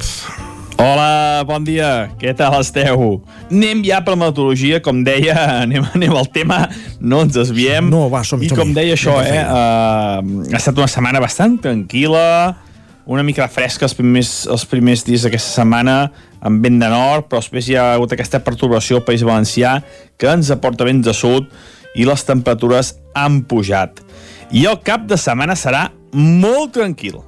Ja aviso, serà un cap de setmana molt tranquil, amb poca incidència meteorològica per fer les coses que tenim previstes, eh? Totes les coses que tenim previstes, el temps no afectarà especialment. I és que tant avui com dissabte com diumenge tindrem un cel mig ennuvolat, eh, no molt tapat ni molt menys, poder les tardes una mica més, però poca cosa, no s'esperen precipitacions a cap de les nostres comarques durant aquests tres dies amb unes temperatures molt suaus. Avui no tant, màximes de 25-26 graus, sobretot a les zones més càlides, però demà i diumenge enfilaran. Uh, tenim aquests vents entre sud, sud, sud-oest, que, que no paren de bufar, no ens aporten aire fred i per tant les temperatures seran molt suaus.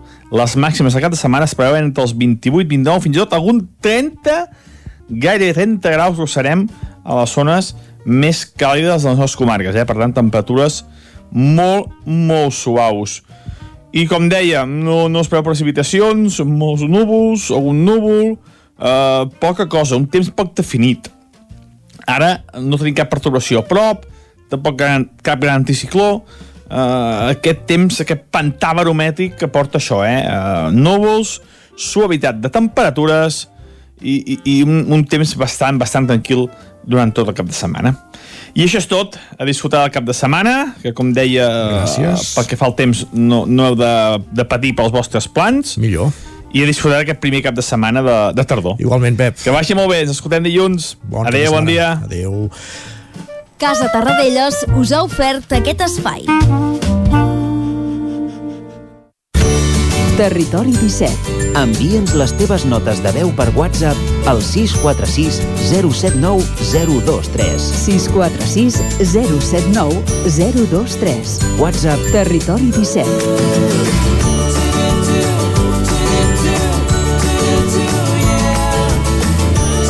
Territori 17.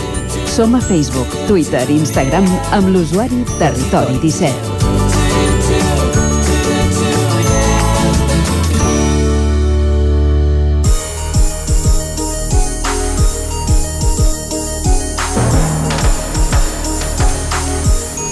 Passen 17 minuts de les 10 del matí. Aquest cap de setmana se celebrarà la sisena edició de la Fira Europea del Formatge, que després de l'aturada forçada per l'any passat per culpa de la Covid-19, torna aquest any i ho fa carregada de novetats i de pes, ja que el certamen, que es fa a Ripoll, serà força diferent del 2019. Isaac Muntades, bon dia. Bon dia, Isaac. Doncs sí, i per explicar totes aquestes novetats, avui tenim a l'estudi de la veu de Sant Joan a la representant dels productors de formatge i làctics de productor al Ripollès, la Neus Puigpell, de formatges Pujolar de les Llosses. Molt bon dia, Neus, i moltes gràcies per haver vingut a explicar-nos tots els encants d'aquesta fira que a tots els amants del formatge, que m'incloc jo també entre ells, eh, ens interessa molt. Bon dia, Isaac. Moltes gràcies.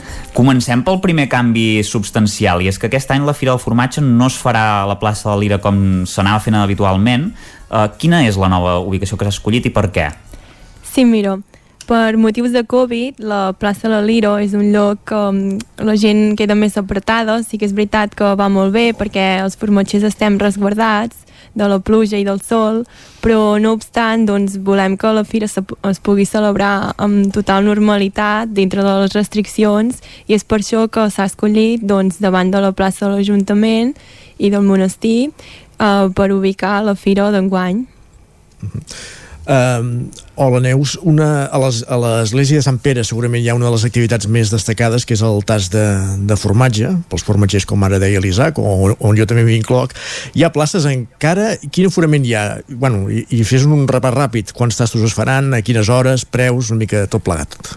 Com està el tema aquest dels tastos El tema dels tastos, aquest any, clar, no ho podem donar així al carrer, sinó que el que hem fet ha sigut, um, el, el, dintre del monestir, doncs hem habilitat un espai on hi haurà taules, l'aforament que tenim previst és de 60 persones per cada sessió i en total n'hi haurà um, 4 dissabte i 3 diumenge. Sí que és veritat que t'has d'inscriure prèviament, ja hi ha molta gent que ho ha fet, però no us poseu nerviosos perquè queden places i tot i així, si el dia de la fira um, encara hi hagués gent que volgués i no quedessin places, també tenim un pla B, perquè amb aquestes uh, restriccions doncs, uh, l'aforament és inferior a la previsió que um, teníem d'altres anys. Per això, a part de fer el tas, doncs tens l'opció, si no hi hagués prou places, de també tenir una opció de comprar els formatges de la fira i poder fer tu el tast a casa. El tast, si vens a fer-lo amb nosaltres, són um, 10 euros, excepte la sessió del migdia, tant de dissabte com de diumenge, perquè t'inclou també unes patates i un vermut, és com l'aperitiu. Uh -huh. I les altres, aquesta val 12, eh?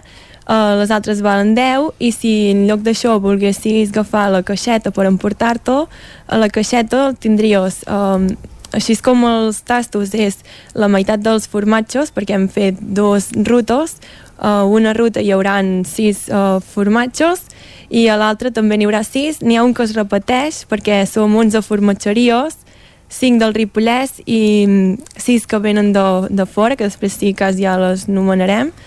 I llavors, en canvi, a la caixa tindries un de cada, un mm. formatge de cada, és una mica més complet sí que l'experiència també és diferent perquè el tast doncs, no és ben bé guiat perquè no l'hauràs de fer tu seguint un fulletó però el format està molt bé perquè presentem els formatges amb una fusta, tens una beguda, és un espai que convida molt a seure, a disfrutar dels formatges, hi haurà mm, gent que t'estarà, mm, doncs, si tens algun dubte, et pot donar una mica de, de suport, per exemple, quin és aquest formatge, ostres, m'ha agradat, i a més hi ha una cosa que és que aquesta fusta eh, després tens l'opció de quedar-te-la o bé de tornar-la.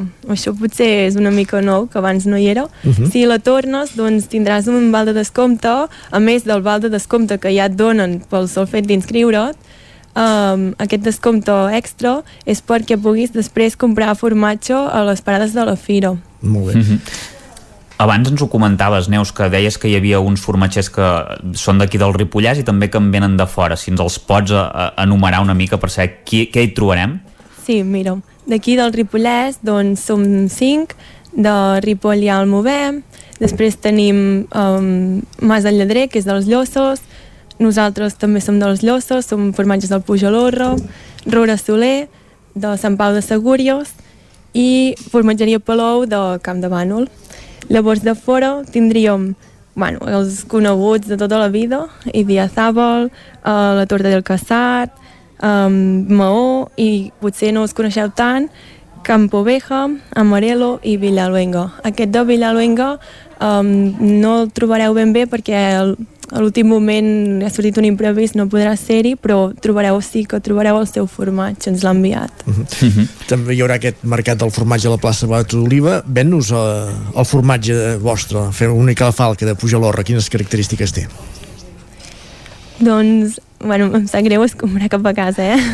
bueno, el nostre formatge, la peculiaritat que té és que, bueno, és ramat propi, tenim 30 vaques, estem a les Llosses, que és una zona, doncs, igual que la majoria de, dels del Ripollès de muntanya, les nostres vaques pasturen, la finca està certificada amb ecològic i llavors doncs, um, és una producció molt petita, no fa molta llet, però sí que és molt concentrada. Llavors el nostre formatge acostuma a ser molt cremós, um, tenim una varietat que tant pots trobar de tendre com més sec, inclús en tenim un que té 3 anys, aquest és, bueno, sembla que, que no hagi de ser bo, però és boníssim.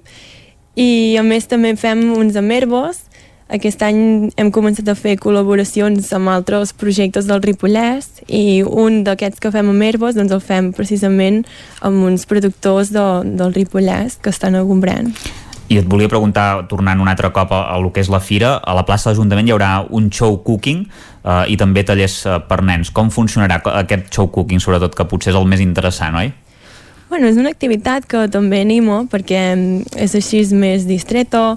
Uh, clar, sí que és veritat que es cuinarà un plat amb formatge, però bueno, vindrà en Xest, del fons de Xest de Gombrèn, i llavors doncs, ens farà un plat amb formatges del, del Ripollès que el podreu seguir en directe estarà eh, gravat també perquè el pugueu veure amb una pantalla més gran uh -huh. Els formatges entenem que es poden, bueno, entenem no, ha quedat claríssim que es poden degustar a la fira de mil maneres, però també hi ha una sèrie de restauradors de Ripoll que s'han implicat amb, amb la mostra. Què faran i quan són aquests restauradors? Um, hi ha molts restaurants que s'han adherit, tots tenen un menú um, que combinen alguns formatges, estarà penjat a la porta i es veu identificat perquè és amb, la, amb el cartell de la Firo. Llavors la gent que aquell dia vulgui fer un menú especial Firo, doncs pot anar a un d'aquests restaurants i demanar pel menú. Perfecte, anem, anem per acabar. Uh, el, ara que hi ha tot aquest rombori del preu de la llet que es paga per sota del que toca, el formatge és un producte làctic. Això us ha afectat d'alguna manera vosaltres al sector? Com a, vosaltres entenc que elaboreu formatge, però no sé si tota la llet que, que teniu l'explotació la destina al formatge, també la veneu, com, com està el tema de, uh, del preu i tot plegat? El tema de la llet és algo que, bueno, sí que és veritat que hi ha molts companys del sector que s'han vist afectats, sobretot la, els pagesos que venen llet. En el nostre cas, nosaltres no en venem perquè ho transformem tot en formatge. Ja fa temps que és difícil que les explotacions petites sigui sostenible gestionar la recollida de la llet cap a una central. Llavors, les els pagesos més afectats no deixen de ser doncs, els que venien la llet. El preu de la llet és algo que no és d'ara, sinó que ara poder s'està fent més rebombori, però que ja fa com 30 anys. És algo que a nivell de consumidor doncs, hem de mirar de, de donar una mica suport als nostres pagesos i escollir quins productes doncs, eh, creiem que poden després repercutir en un preu just per al pagès. Mm -hmm. Neus Puigpei eh, de, de, de la formatgeria Pujol, eh, Pujol Orro i també en, en representació de la Fira Europea del Formatge de Ripoll en principi la Fira no hi ha d'haver problema pel que fa el temps, ens ha dit també per Costa que bonança tot el cap de setmana moltes gràcies per ser avui amb nosaltres i molta sort a la Fira moltes gràcies, que us vagi molt bé. Igualment. Isaac, moltes gràcies també per aquesta estona eh, compartint aquesta entrevista. A tu, Isaac. Moltes gràcies. Continuem al territori 17. Ara el que fem és una petita pausa per la publicitat i tornem de seguida al punt de dos quarts amb la taula de redacció. Parlarem del cas Puigdemont, però també parlarem d'un escurçó que va picar un veí de Gombrèn, al Ripollès.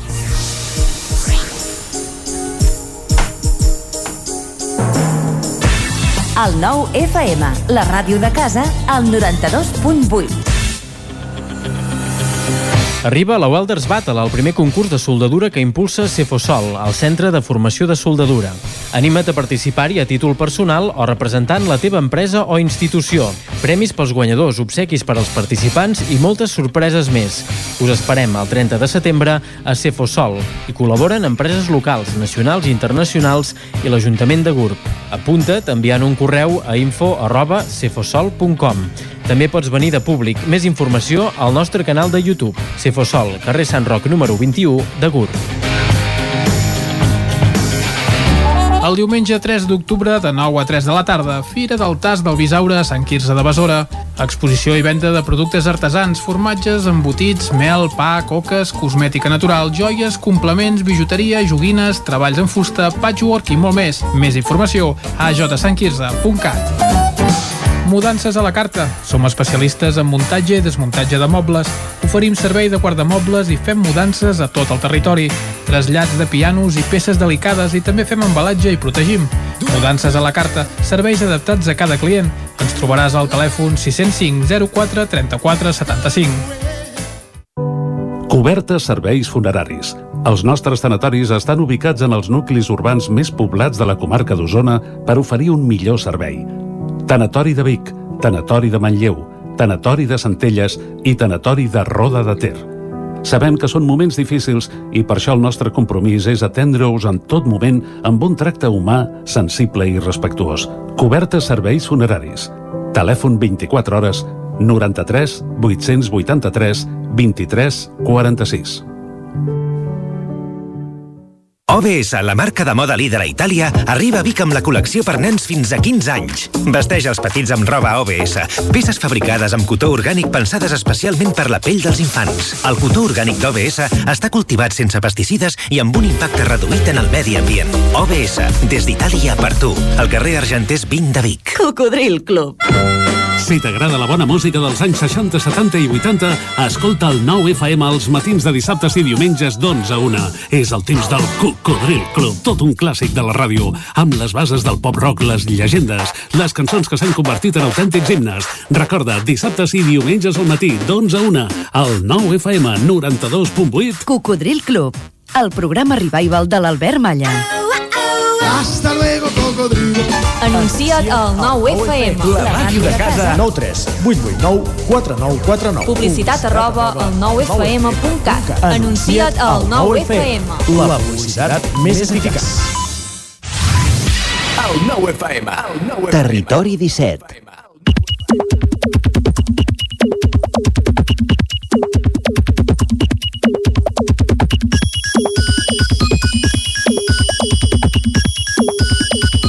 Dos quarts d'onze del matí al territori 17, moment de repassar les piolades. Què diu Twitter i com sempre cada dia en companyia d'en Guillem Sánchez. Bon dia, Guillem. Bon dia, Isaac, què tal? Com estem? Doncs eh, veient reaccions de tot el tema polític, de la detenció de Carles Puigdemont, la xarxa va, va plena en aquest sentit, tot i que sense posar-nos en cap eh, posicionament polític eh, individual o partidista, sí que ens farem ressò d'algunes piolades de- d'alguns usuaris de les, de les xarxes. Per exemple, en Claudi diu, ja ho van embolicar tot posant pinya a la pizza i ara detenen en Puigdemont, el que està clar, i encara que sigui divendres, jo avui no superé pizza. Si més no, mira, una, una cosa que tenim clara avui. Exacte. En Francesc, en aquest sentit, afegeix agradi o no, Puigdemont és kriptonita per a l'estat espanyol. Això sí que ho podem certificar a, a hores d'ara, eh, estiguem d'una banda o de, o de l'altra. I sembla que avui aquest serà un dels temes més importants, com dèiem, de l'actualitat, i tal com puntualitza l'Antonio, diu acaben de detenir a Carles Puigdemont, s'ha acabat el volcà. No sé sí, si... això, això, això, això també m'ho crec. En De aquest... fet, va haver una emissora ahir Sí. que, per, que per parlar de, de la reacció de la Moncloa van haver de trucar a la Palma perquè és on tenien l'enviat especial de, de Madrid habitualment. Correcte, ara tocarà agafar vols de, de, de, de tornada cap a Madrid o cap a l'Alguer, que deu ser un dels aeroports més concorreguts a aquestes hores. Correcte. En aquest en mateix sentit, en Francesc escriu allò que tots vam començar a pensar ja ahir al vespre quan sortien aquestes primeres informacions sobre Carles Puigdemont i diu, els especialistes en Afganistan reconvertits en vulcanòlegs ja han mutat en experts en jurisprudència italiana i europea. De fet, la qüestió aquesta dels eh, eh, famosos experts també és ben, és ben curiosa. Ara to toca buscar gent que sàpiga de, de jurisprudència italiana. Més qüestions. La feina dels periodistes a vegades i dels experts en aquestes temàtiques eh, és eh, complicada. A vegades el missatge que donen tampoc s'acaba de, de fer arribar a la població. La gent potser no, no l'entén. En aquest sentit, en, en Guillem diu hem intentat explicar el que és un virus i una vacuna a gent que creu que els volcans no existeixen. Igual el problema és aquest. A vegades no és tant qui vol donar el missatge, sinó també qui l'ha d'entendre. Qui l'ha de rebre. uh, canviant de tema, Isaac, no sé si tu ets dels que insultes en català o no. No sé si tu has plantejat mai això. Mm, suposo que alguna castellanada se m'escapa en aquest aspecte, sí. Ho, ho dic perquè jo feia temps que no llegia aquest insult per, per cap banda. Diu la, la Codina, un alumne ha dit mal girbat a un company amb ànim ofensiu i jo per fora he fet com que no, però per dins hi tenia 15 alcubers orgasmant en una bacanal de balls africans, vi del Penedès i altres coses que no anomenarem eh, en, en, en aquest tuit. Mentrestant, en Jordi li respon l'has de castigar felicitant-lo, per exemple, obligant-lo a menjar-se un pastís. Eh, si, sí. més no, si més no, jo aquesta expressió feia molt temps que no la sentia i el Mal girmat com a, com a insult no, no, no, no, no el recordava. Què més? Què més? Doncs de moment sembla que les temperatures encara es mantenen en valors estables els pròxims dies, com si la tardor no hagués acabat de- d'entrar de, en força. Jo per això estic molt en contra del que diu l'usuari de nom Aka Uri. Escriu, gent amb pantalons curts i màniga curta, rendiu-vos ja, que no és estiu. Jo estic completament en contra, jo ho allargaré si puc fins al 12 d'octubre, el 6 de desembre o el dia 8. Ha de ser un dia festiu sempre per llavors poder, poder celebrar-ho com cada el dia que et poses el primer eh, pan, pantaló llarg. De fet, no, eh, aquí al nou sempre ja tenim la dita que no és hivern fins que en Guillem Rico es posa uns pantalons llargs i això no sol ser fins al mes de març de l'any següent. Val, Perquè- per, per tant, haurem de fer un club de fans dels, No. dels, dels, dels pantalons curts. I va vaig acabar de Guillems, això també, sí. De fet, en aquest sentit, l'Aina li, li respon amb aquest usuari els pantalons curts s'allarguen fins a finals d'octubre. Aquí, en aquest cas, la data és una mica més, més, més enrere. Ho, ho he exagerat una mica, eh? Però... I per acabar, Isaac, si aquest cap de setmana o avui decidiu, per exemple, anar a la, a la capital, a Barcelona, a viure les festes de la Mercè, s'ha de vigilar molt amb un fenomen que es repeteix pràcticament sempre i que ens recorda en Jordi, i que diu anar a Barcelona i trobar-te amb gent per casualitat. This is el poble. De fet, pot ser que existeixi gent que viu a la teva mateixa ciutat o poble amb qui no coincideixes mai i, i que sempre que vas a Barcelona t'acabes trobant. No sé quins, quins està vigilant o quins posa la gent en certs, en certs llocs, però hi ha, hi ha a vegades aquelles casualitats que, que podem dir que espanten. Mm -hmm. Doncs sí, sol passar. Uh, repassem portades dels digitals del 99.cat, ràpidament. Repassem portades. L'edició d'Osona-Ripollès obre amb Torelló posarà en marxa les càmeres d'accés al nucli antic quan fa més d'un any i mig que les van instal·lar i la segona notícia en aquest sentit és el Rotary de Vic-Osona al peu del canó i el carreguem ràpidament la del Vallès Oriental, la portada verda. El Vallès Oriental ens diu Territori licita les obres del nou enllaç de la C-17 amb els polígons Font del Ràdium i de Mango i també avança nova jornada de vacunes sense cita al cap de la Cruïlla, Lliçà d'Amunt i també Guillem Albà presenta la temporada de Sena Gran en l'àmbit de la cultura. Guillem Sánchez, moltes gràcies i bon cap de setmana. Que vagi molt bé, Isaac.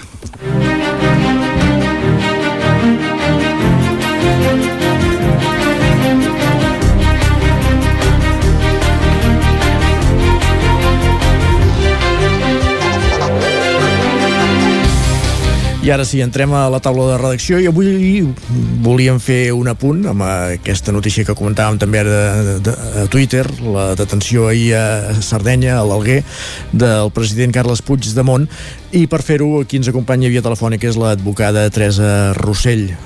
Teresa, bon dia. Bon dia, bon divendres. Bon divendres. Ahir a la nit, tots sorpresos per aquesta detenció, donàvem per fet que Puigdemont es podia moure sense problema per territori europeu, tret de l'estat espanyol, però va ser trepitjar sol italià i va quedar detingut. Ens pots fer cinc cèntims de jurídicament com, com es pot entendre, si és que es pot entendre d'alguna manera, o com, com s'ha d'interpretar aquesta, aquesta detenció? Jo cada vegada que em sembla que hem parlat de, de temes no, en els últims anys, he dit que cada vegada en sé menys no, de dret, i vull dir que em costarà també mm, explicar-ho, però intentaré. I, I més que res és que estem parlant no només de, de l'ordenament eh, jurídic espanyol, sinó de dret europeu. El dret europeu ho vam descobrir ara precisament quasi bé fa, fa aquests quatre anys, no? Uh -huh. I, I el tema de les euroordres també. I nosaltres, a la majoria d'advocats, que la gent en general, el tema d'una euroordre uh, li sonava doncs a xinès, no? Sí. Per dir-ho d'una manera. Uh -huh. um, comença a partir de, de, del procés no? I, i, de, i de la repressió de, per part de l'Estat hem anat aprenent i des de l'inici eh, hem sabut doncs, que hi havia, doncs, a més a més d'unes ordres de detenció a nivell de, de l'Estat, unes ordres de, de, de caràcter europeu. I també, eh, almenys eh, per part meva, he constatat que són unes euroordres una mica que, el que dic jo, que són guadianes, no? que van apareixent i, i van desapareixent. I aquí és una mica el, el cuit de la qüestió no? que està passant ara amb el president Puigdemont. En un primer moment, el, el jutge magistrat Llarena va dictar uh, unes euroordres de detenció per totes les persones que ell entenia no s'havien presentat a, a, a davant de, de la justícia espanyola. Que això podríem també posar un apunt que sí que ho havien fet a través de la seva representació, però es va deixar per, per no presentat. Però si us en recordeu, aquestes euroordres eh, que dic han anat, eh, diríem, d'una manera instrumental eh, apareixent i desapareixent. En el cas d'Alemanya és un tema flagrant. Recordeu que el president doncs, va ser detingut i la justícia alemanya va dir que si volia Espanya podria entregar el president només únicament per malversació. I en aquest cas va tornar a desistir de, de l'euroordre. Correcte. Això és una mica per posar-vos en context que eh, estem en, en un cas doncs, que ja, ja ha passat altres vegades, no? de que hi ha hagut dubtes sobre uh, si existia, si estava vigent o no. Hi ha una diferència molt substancial en el moment alemany, que penso que també l'hem de posar en, en valor, que és que ara el president és alhora eurodiputat. Val? Sí. Això fa que s'hi afegeixi un, un plus aquí, no? I és que per detenir a un eurodiputat uh, aquest ha d'haver perdut la, la, la immunitat. Amb això també recordareu que es va mm, precisament aprovar per part del Parlament Europeu, amb una majoria que no és la de sempre, sinó una majoria més minsa, doncs va aprovar, i ho hem de dir, uh, que s'aixequés aquesta immunitat. Què va passar? En el moment en què s'aixeca la, la immunitat del president Puigdemont, es demana precisament que se suspengui aquesta suspensió de la immunitat. No sé si m'explico. És sí. a dir, el que es demana és que es mantinguin els drets com a eurodiputat i, per tant, se suspengui la suspensió. Això es demana i el Tribunal de la, de la General de la Unió Europea el que diu primer, en un primer moment és que sí, és a dir, dona la raó a, a l'equip jurídic del, del president i diu, és veritat, us mantinc, um, mantinc la acordo la suspensió i per tant mentrestant tindrà immunitat. Però després, amb una altra resolució posterior, com que hi havia hagut un altre fet nou, que és que es va demanar pel jutge Llarena, el mateix que dicta les euroordres, va demanar una cosa que també ara ja tots en sabem i tots coneixem, que és la qüestió prejudicial. La qüestió prejudicial és que estàs demanant al Tribunal Europeu que t'interpreti una norma que afecta a tota Europa i que tu com a jutge tens unes, diríem, uh, un, un, uns dubtes, no? Perquè si no ja no la demanaria. Això és el que fa que en la segona vista del Tribunal Europeu digui, perdoni, com que m'estan demanant que hi ha uns dubtes i per tant entenc que aquestes euroordres no continuen, estan suspeses mentre es tramiti, jo ara no li dono la suspensió de la suspensió de la immunitat. I aquí estem. És a dir, en aquests moments eh, el Tribunal General de la Unió Europea va dir que no existia perill, no?, Correcte, que sí, sí. el president fos detingut perquè s'entenia que si el propi jutjat que demana, que té dubtes sobre una, una euroordre, doncs eh, pugui resoldre eh, després continuant la mateixa. Val? Això Bueno, perdona, em volies demanar alguna cosa. No, no, eh, anava, anava a dir ara, eh, un cop està detingut, perquè la, la detenció entenem que fa la, la, la fa la policia d'ofici o la fa per, or, per ordre d'un no, jutge, diguéssim? pa- passa una cosa, això que he dit uh Mhm. -huh. fa que aquestes euroordres que el Tribunal General de la...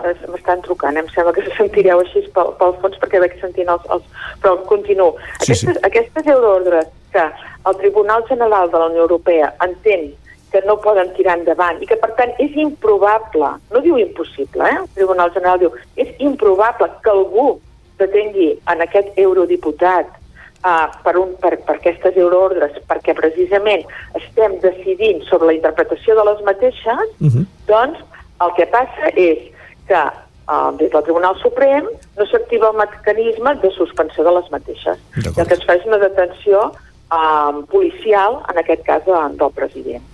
i ara haurà de ser la, algun jutge italià qui, qui faci en primera instància la resolució de veure quina, quina decisió hem de, hem de prendre, si l'extradició, que és el que es, es, es, es desitjaria el, el Suprem, o Llarena, o l'equip de Puigdemont, que diuen que, que, no, que, que ho tenen perdut en aquest sentit.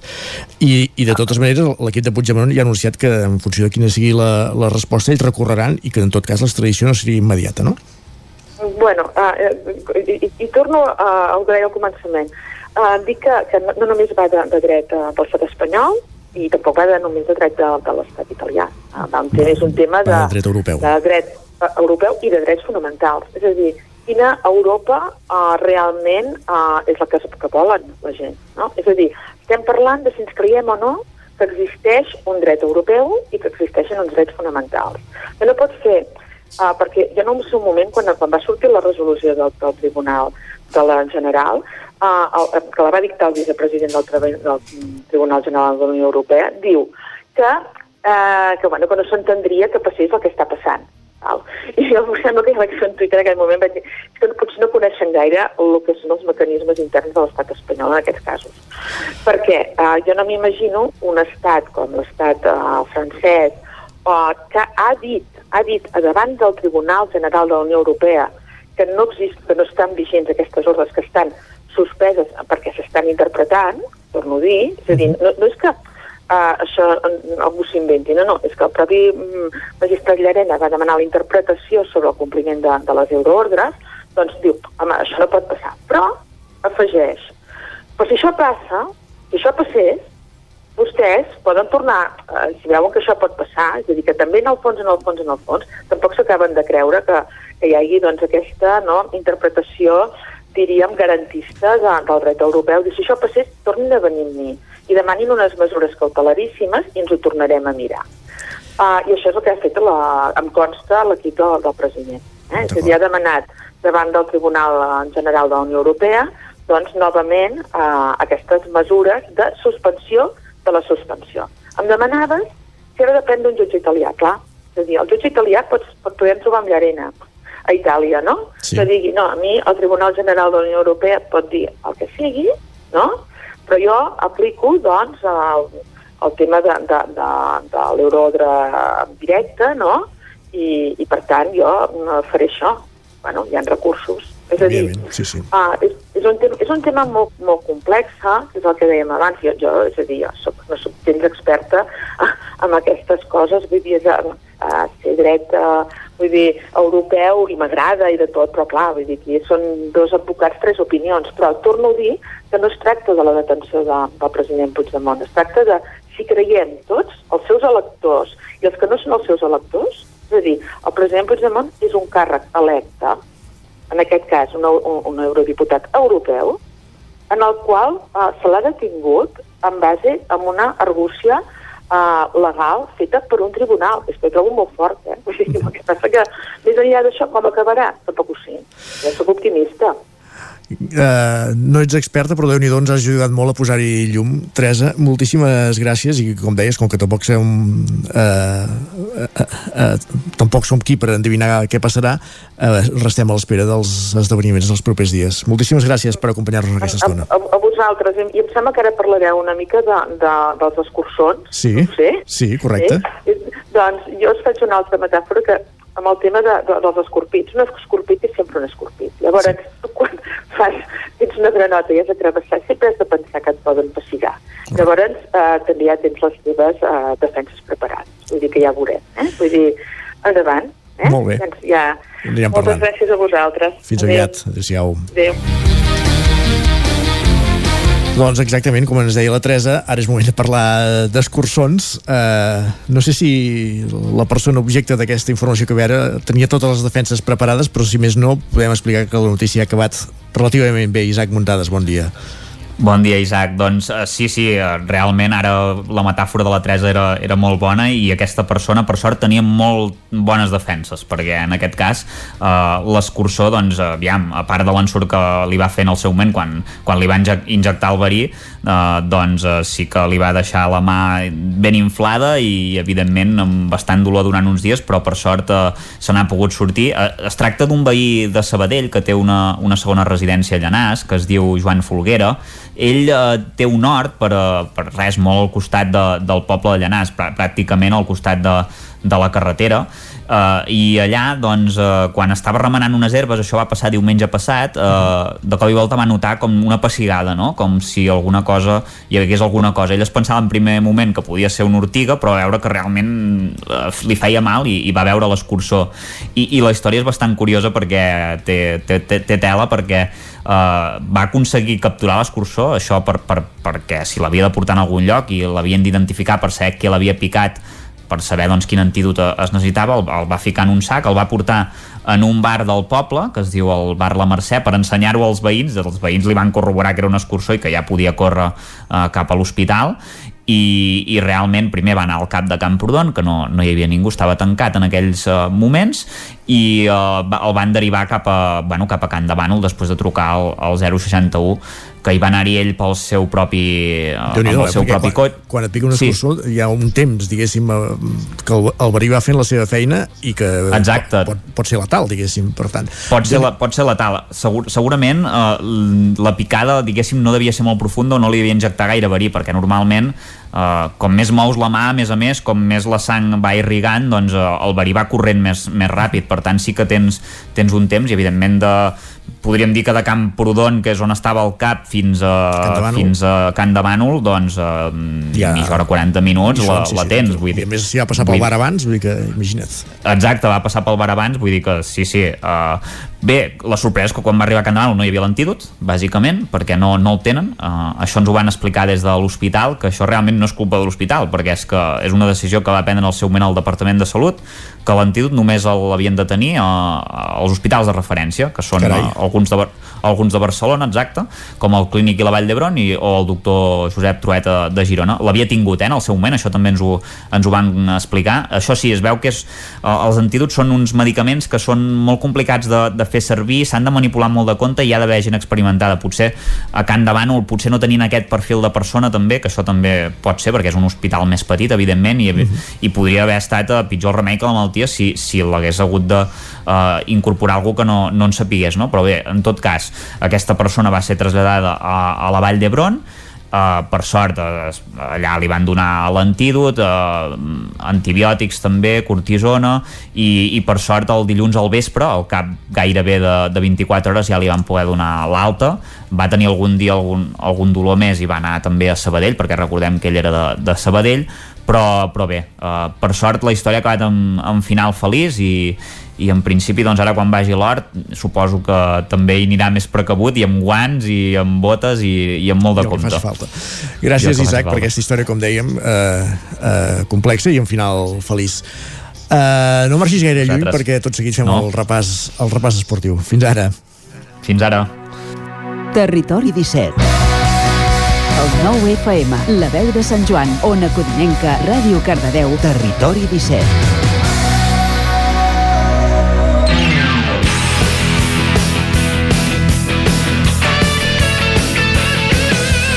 Doncs sí, ja ho sabeu que quan sentiu aquesta sintonia és sinònim d'esports al territori 17 i els divendres el que fem és repassar els esdeveniments o els partits més destacats de les jornades que, que venen al, al cap de setmana.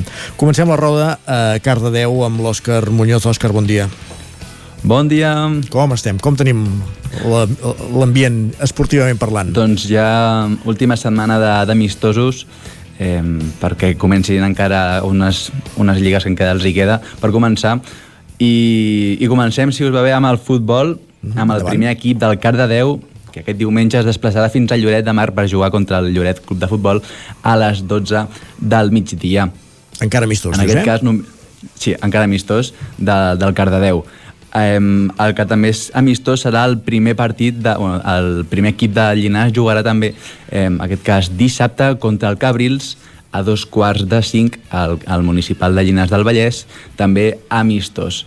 I el que no estem parlant d'amistós ja és l'Esport Club, que ja la temporada passada el vam seguir en aquest camí a la segona divisió espanyola, que al final no va aconseguir. Doncs aquesta temporada també el seguirem en aquesta tercera divisió i que cap de setmana jugaran el primer partit jugant fora contra l'escola esportiva La Guinaueta. Perfecte. Del futbol, ara ens anem al, a l'handbol. Bé. Sí, on aquests cap de setmana comencen la Lliga els dos equips eh, sèniors de, del club. Primer jugaran les noies, això serà diumenge a les 12 al pavelló municipal de Cardedeu. Eh, les noies del Cardedeu jugaran contra l'handbol Barcelona-Sants. Perfecte. I més tard, a les 6, jugarà el primer equip, el sènior el sènior masculí, contra el balonmano La Roca, o sigui, partit molt interessant el que jugaran a casa derbi, per sort. Bueno, un derbi. Ah, exacte, sí. el derbi, sí. I ara, doncs sí, acabem amb els equips d'handbol de Granollers, on el Franking, després de perdre l'anada la, de l'eliminatòria de la Lliga Europea aquest dimarts contra el Kadeten Hausen, eh, tenen uns noms als equips d'handbol. Sí, t'ho posat fàcil, això, eh? Sí. Ja doncs això, va perdre per 3 gols i li toca de, eh, a Sobal, li toca la Lliga Sobal demà, o sigui, Franking Granollers li tocarà jugar contra l'Helveltia Anaitasuna a les 7 de la tarda al Palau d'Esports de Granollers. Això sí, serà un dissabte tapaït al, al Palau, ja que a dos quarts de cinc són les noies del CAC 7 Balonmano Granollers que jugaran contra el Baracaldo. Un Palau que serà protagonista del Campionat del Món d'handbol femení que tindrà lloc el, de l'1 al 19 de desembre a la ciutat eh, que ja també comentarem per aquí, per la secció d'esports. Tindrem temps de parlar, exacte. Gràcies, Òscar. Uh, a vosaltres. Anem fins a Ona Codinenca, Sant Feliu de Codines. Caral Campàs, bon dia. Bon dia. Com ho tenim aquí esportivament parlant? Tenim hoquei? Okay? Mira, us... o, o, o sí, tenim? hoquei. Perfecte. Tenim hoquei. Aquest diumenge a partir de uh, un quart d'una el rec amb les alcaldes, el primer equip d'alcaldes rep la visita del Club Pati Calafell uh, bé, uh, en aquesta primera cita de l'Hockey Lliga a casa. Ja van jugar el cap de setmana passat, però van visitar el Girona i van perdre per 2 a 1. Veurem com va aquest primer partit a casa amb el factor pista a favor contra el Calafell. I el club d'hoquei eh, d'aquí de Sant Feliu es jugarà al passar a la següent ronda de la Lliga Catalana Plata aquesta nit contra el Tordera. El pavelló Francesc Casart serà l'escenari d'aquest tercer partit del grup en què els codinencs doncs, podrien passar de ronda si derroten el Tordera. La classificació del Sant Feliu també dependrà del resultat que aconsegueixi l'Espanyol eh, en el seu partit contra el Lloret aquest cap de setmana setmana. El partit contra el Tordera eh, començarà tard, a tres quarts de deu de la nit, i els codinencs doncs, podran afrontar aquest partit a, eh, a casa sense baixes. I acabo parlant del primer equip femení del de, Vigas i Riells que comença la Lliga Catalana eh, com, visitant eh, la pista del Palau de Plegamans. Eh, el Vigas i Riells arriba amb baixes importants en aquest inici de Lliga Catalana degut a lesions però alhora el Palau eh, Solitari Plegamans compta també amb algunes baixes perquè la convocatòria de la selecció espanyola ha deixat doncs, sense les seves primeres espases al Palau. Veurem també com va aquest partit. Perfecte, Caral, moltíssimes gràcies. Parlem, a vosaltres. parlem més tard amb el repàs de l'agenda i ara anem fins a Sant Joan de les Abadesses a la veu amb l'Isaac Muntades de nou Isaac, eh, ara abans hem parlat de formatges, mm. després d'escursons i ara toca parlar d'esports Sí, no parlarem gaire per això, perquè a diferència del cap de setmana passada que el teníem molt complet, aquest el tenim molt buit. I, però sí que us podem eh, explicar, per exemple, eh, en futbol, anar al subgrup UA de la segona catalana, on el Camprodon vol recuperar bones sensacions i guanyar el primer partit de la temporada després de la derrota de la setmana passada contra la Mer i ho haurà de fer visitant el Besalú aquest dissabte a les 4 de la tarda, que un rival que va guanyar el primer partit i per tant ara ja està just per sobre dels camprodonins de la classificació.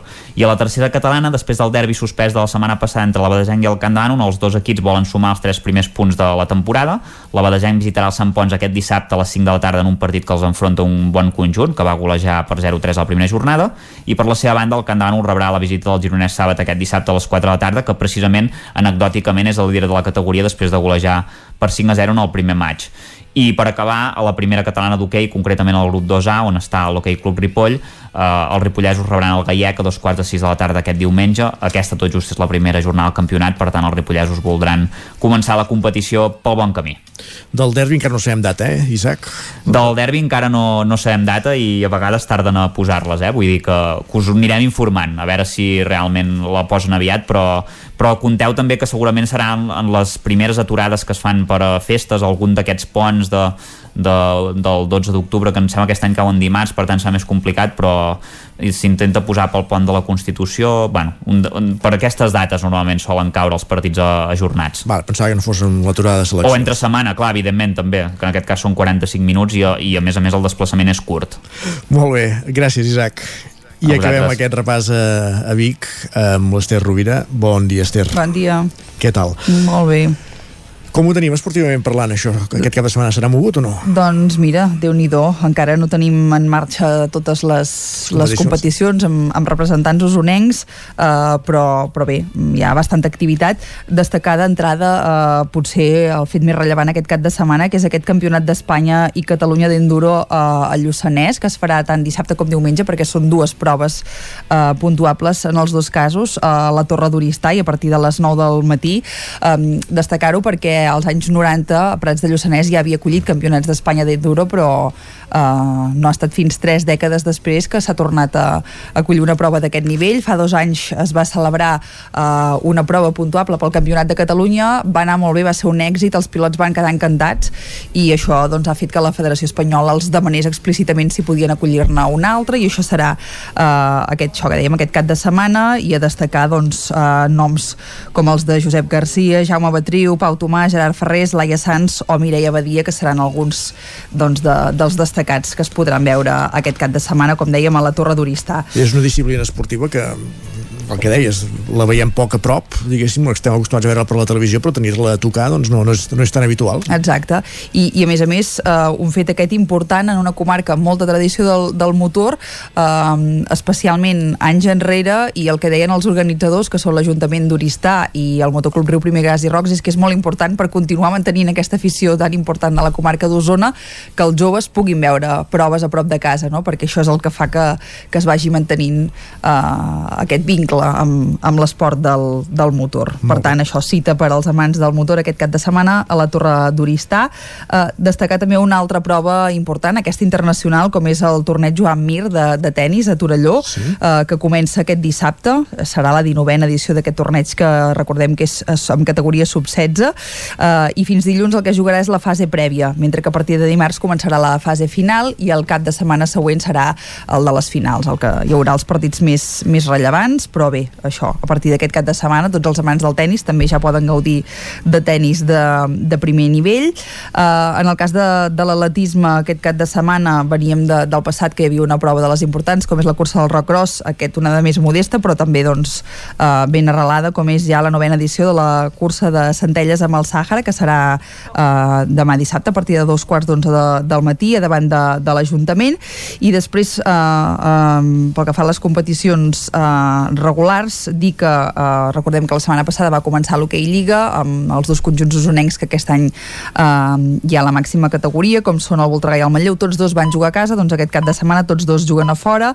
El Manlleu visita el Noia pista complicada, demà dissabte a dos quarts de vuit del vespre, mentre que el Voltregà jugarà a la pista de, de l'Alcoi també hi ha Lliga Catalana uh, Plata, el Patí Vic rep el, el Vilanova demà dissabte a dos quarts de vuit del vespre, mentre que en categoria femenina eh, el Martinelli a Manlleu eh, rebrà el Sant Cugat avui al vespre a tres quarts de nou de, del vespre.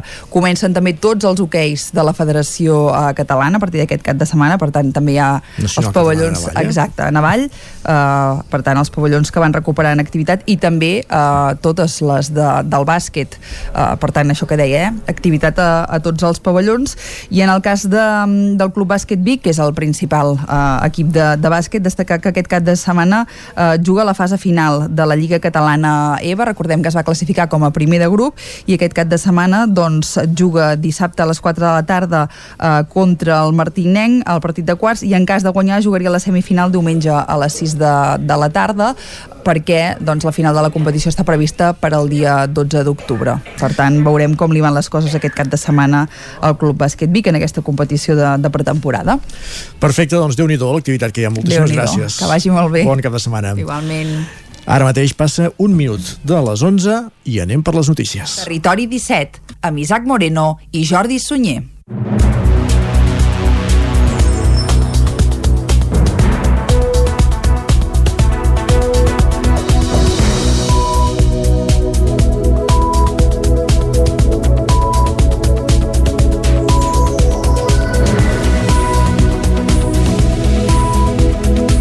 Repassem les notícies de les nostres comarques, el Ripollès, Osona, el Vallès Oriental, el Moianès i el Moianès, volem dir, perdó.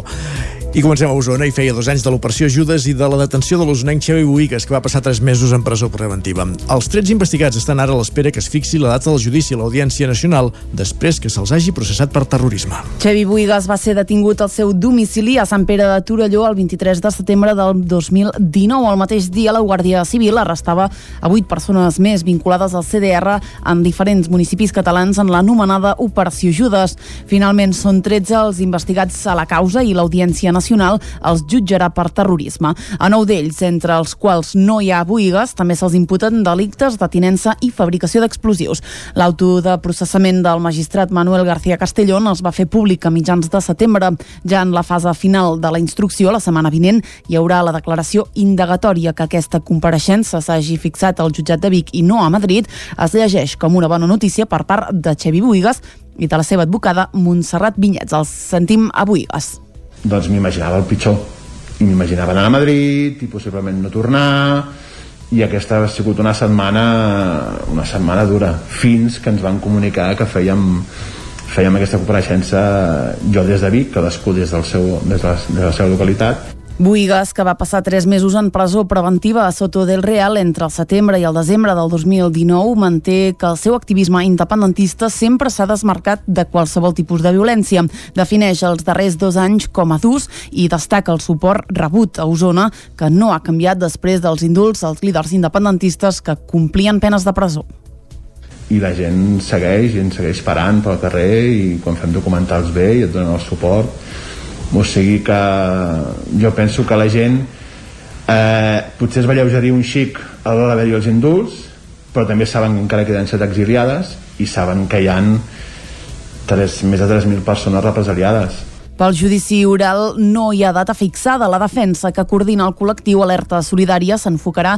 amb dos arguments principals. Ho, de ho detallava l'advocada de Boigues, Montserrat Vinyets. La pota tècnica a discutir eh, totes les irregularitats processals que s'han esdevingut durant tot el judici, que són moltes, i quan construeixes un procediment en funció de la ideologia de les persones que estan encartades és evident que hem de parlar de procés polític.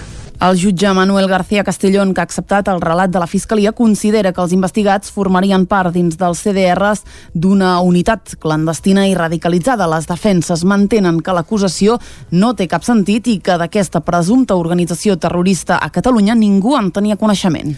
Aquest dijous es va fer la cursa del transports que l'Associació per la Promoció del Transport Públic va organitzar en el marc de la Setmana Europea de la Mobilitat. Els participants sortien del centre de Manlleu a la mateixa hora i havien d'arribar al centre de Vic. Faltaven 3 minuts per les 9 del matí quan Eduard Folk accedia amb bicicleta elèctrica a la plaça Major de Vic. Amb un temps de 27 minuts se situava així líder de la cursa de transports que l'Associació per la Promoció del Transport Públic va organitzar ahir al matí a Osona coincidint amb la Setmana Europea de la Mobilitat. A dos quarts de nou els participants havien sortit de la plaça Fra Bernadí de Manlleu. Independentment del mitjà de transport utilitzat, tots havien d'arribar a la plaça Major de Vic, ho explica Eduard Folk. Doncs he utilitzat un, un camí, una pista que connecta Manlleu amb, amb Vic i que està bastant bé i, i res, he anat tot el tram per allà fins a arribar al polígon de, de Vic, que llavors he anat recte fins a, fins l'entrada. Només un minut després de Folk, Fermí Tanyà arribava a la plaça amb una bicicleta manual. El trajecte de Vic a Manlleu pel camí que ressegueix la via del tren el va completar en 28 minuts. L'inconvenient que té doncs, és que no està molt acondicionat, llavors has d'anar amb una bicicleta amb roda ampla, una mica de muntanya, perquè hi ha algun vessal, alguna pedra i algun tram que es podria millorar. Després de les bicicletes, el vehicle més ràpid va ser el cotxe elèctric. Joana Rodríguez el va aparcar a l'era d'en Cellers i va arribar a la plaça a peu, tot plegat, amb 33 minuts. I he decidit aparcar a l'entrada de Vic, no? per aprofitar els aparcaments disuasoris que hi ha a la ciutat. L'he deixat a prop de la Toyota, darrere de la Guàrdia Urbana, i sí que estava una mica ple les puntes, no? que són els més pròxims a, a la ciutat eren ple i he hagut d'anar al mig. Un minut més tard va arribar Adrià Ramírez, que va fer el trajecte amb autobús. Hem arribat pràcticament igual que, que el cotxe. Uh, sí que teníem l'avantatge doncs, de que el bus passa molt a prop tant del centre de Manlleu com del centre de Vic, en aquest cas, i per tant agafant-lo uh, a, a Passeig Sant Joan de Manlleu i deixant-lo aquí a la carretera de, de Manlleu de Vic, uh, hem pogut anar, hem pogut anar molt, molt ràpid. Els últims en arribar van ser l'Eudal i en Jaume van fer el trajecte de Manlleu a Vic en tren, un viatge ràpid però amb una trava important, la baixa freqüència de trens. De fet, quan el seu comboi va sortir de Manlleu, amb 4 minuts de retard, la bici elèctrica de l'Eduard ja feia 6 minuts que havia arribat a Vic. El ritme de donacions de sang a Sant Joan de les Abadesses ha baixat i s'ha passat de les 110 que s'acostumaven a recollir abans de la Covid a les 60 dels, dels darrers acaptes. Aquest dissabte hi ha una nova jornada de donació i l'objectiu és recuperar donants. Isaac Muntades, des de la veu de Sant Joan. Aquest dissabte, el pavelló municipal de Sant Joan de les Abadeses acollirà una nova jornada de donació de sang de 10 del matí a 2 de la tarda i de 4 de la tarda a dos quarts de 9 del vespre. El delegat del Banc de Donants de Sang i Teixits de Sant Joan, Jordi Cortacans, es va mostrar preocupat pel descens de donacions a la vila i va demanar un esforç a la gent. Havíem baixat molt aquí a Sant Joan, de fer a 100 a 110, hem, havíem arribat a fer només 60, i llavors el Banc de Sang ens va retallar l'horari d'aquí Sant Joan. I després de parlar amb el Banc de Sang i això, hem mirat de poder recuperar aquest aquest l'horari normal, que era de 10 a 2 i de les 4 a dos quarts de 9 del vespre. Hem tornat a recuperar la tarda, perquè aquí molta gent li agrada venir a la tarda i, i molta gent havia dit a mi que el matí no podia venir. I hem recuperat aquest nou horari perquè havíem estat eh, dues donacions anteriors pues, que només venien al matí i només arribàvem a 60. Ripoll i Sant Joan són els dos municipis del Ripollès on es dona més sang i Cortacans volia que això tornés a ser així. El delegat Sant Joaní també va explicar que molta gent que havia passat la Covid-19 es pensava que no podia donar i això no és cert. Qualsevol persona pot donar sang després de 28 dies d'haver-la passat. Actualment el Banc de Sang i Teixits de Catalunya necessita la sang d'homes que hagin passat la Covid-19 sense o amb símptomes, que estiguin vacunats, tinguin entre 18 i 65 anys, pesin més de 50 quilos i no hagin estat transfosos. Ara cal demanar hora, però també s'atén a la gent que vingui sense, que com a molt s'hauran d'esperar una mica més. Cada mitja hora es fan 7 persones i a Sant Joan ja s'han reservat 43 places i només en queden 76 de disponibles. Cortacans també va explicar que el canvi d'ubicació els ha afavorit. Això fa ja 4 o 5 donacions enrere, també per temes del Covid, eh, vam deixar els col·legis, també ens feia una mica de por que el, el tenir que desplaçar una mica perquè els col·legis són més cèntrics que el pavelló, també que no funcionés, però no, no. Allà el pavelló s'hi està molt bé, molt ampli, més que el col·legi. A més a més, quan venen, venen també a, a treure plasma. De donacions de plasma se'n fan 16 al dia, unes dues per hora, ja que s'hi estan 3 quarts d'hora per fer els tres cicles. De fet, les donacions de plasma se'n necessiten unes 50.000 a l'any. Pel que fa a la sang, se'n necessiten 1.000 bosses diàries a Catalunya, ja que la sang caduca en 42 dies i aquests darrers dies el ritme de donacions ha baixat un 15%. Gràcies, Isaac. Donació de sang demà a Sant Joan de les Abadesses, però també ha altres punts, com per exemple les Masies de Roda, la sala polivalent. Més qüestions. A Cardedeu hi ha una casa bioclimàtica, un edifici que aprofita les condicions naturals per disminuir tot el possible la necessitat energètica. Els propietaris d'aquesta casa de fusta no paguen factures de llum, però han, pogut fer, han hagut de fer una inversió perdó, inicial de 14.000 euros. Núria Lázaro, des de Ràdio Televisió de Cardedeu. Una casa de fusta feta pels propis propietaris, sense la necessitat de ser constructors. A Noruega és un fet molt comú que a Catalunya no tenim tan vist, però a Cardedeu l'Olga ha construït la seva pròpia casa de fusta. Un treball que l'ha portat anys per fer el disseny i la construcció. La curiositat d'aquesta casa és que genera l'energia que consumeix. Conté 24 plaques fotovoltaiques, però segons l'Olga Rubio, la propietària d'aquesta casa, el secret està en la ubicació ubicació i els materials. Jo no tinc calefacció tampoc. I això és molt important, eh? perquè estem parlant de les plaques i de tota la instal·lació, però el més important de la casa um, jo crec que l'estalvi energètic més gran d'aquesta casa és la construcció en si. Vull dir, de la manera que està construïda i com està encarada. Clar, això fa que, que a l'hivern jo visqui sense calefacció. Tu, si et fixes, aquesta casa està tota orientada al sud i està tota oberta al sud. Des de que viu en aquesta casa no ha hagut de pagar cap factura ni de llum ni de gas. Això sí, la inversió inicial va ser de 14.000 euros en material que en els darrers anys espera amortitzar. Roda de Ter és un dels pobles d'Osona que tanca aquest cap de setmana la temporada de festes majors d'estiu. El pregó dimecres van a càrrec del músic, percussionista corporal i musicoterapeuta rodenc Santi Serratosa, que reivindicava les bondats del binomi que formen l'educació i la cultura. Santi Serratosa, músic, percussionista corporal, musicoterapeuta i rodenc, feia aquest dimecres el pregó de la festa major de Roda de Ter. Va centrar part del discurs en explicar la seva vida al poble, recollint vivències i anècdotes, però també va voler-hi exposar el seu present professional professional que passa més a les aules on fa tallers que pels escenaris i en què es fusionen l'educació i la cultura, Santi Serratosa. entendre que necessitem realment que eh, l'educació predomini amb, amb molta més força les disciplines artístiques, però també la manera d'entendre eh, el que són els acompanyaments cap a les persones i, i que això serà clau per realment eh, convertir les persones en éssers que participin de la cultura no? i que visquin la cultura com, com, com realment eh, necessitem. I em venia de gust compartir aquest meu present i sobretot fer abocar una mica tots els records que, que, que justifiquen que sigui aquí. No?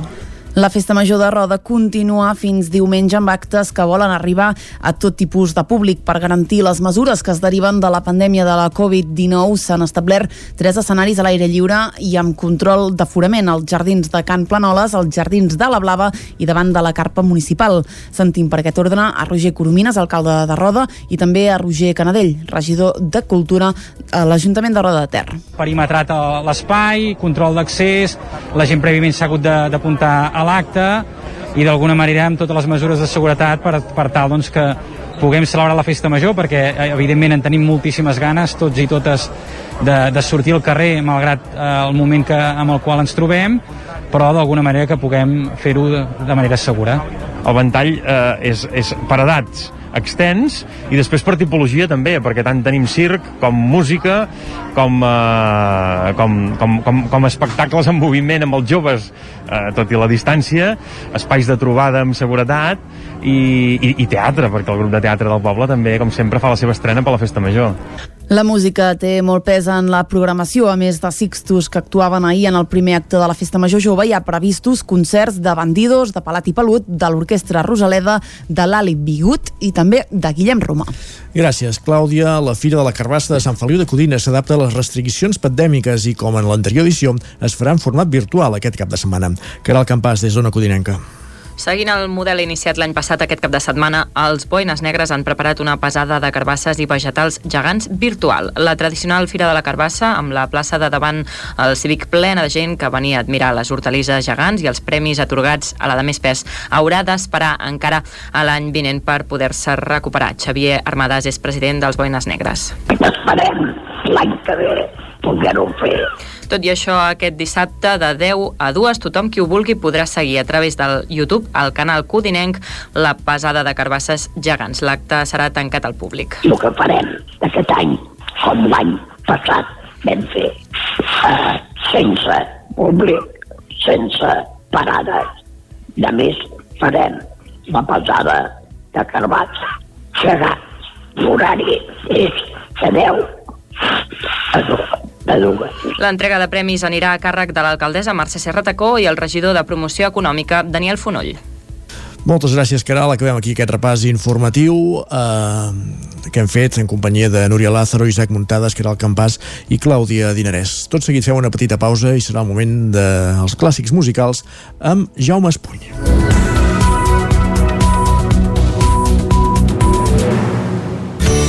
Territori 17. Envia'ns les teves notes de veu per WhatsApp al 646 079 023. 646 079 023. WhatsApp Territori 17.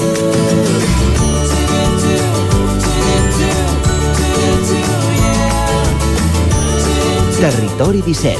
Som a Facebook, Twitter i Instagram amb l'usuari Territori 17.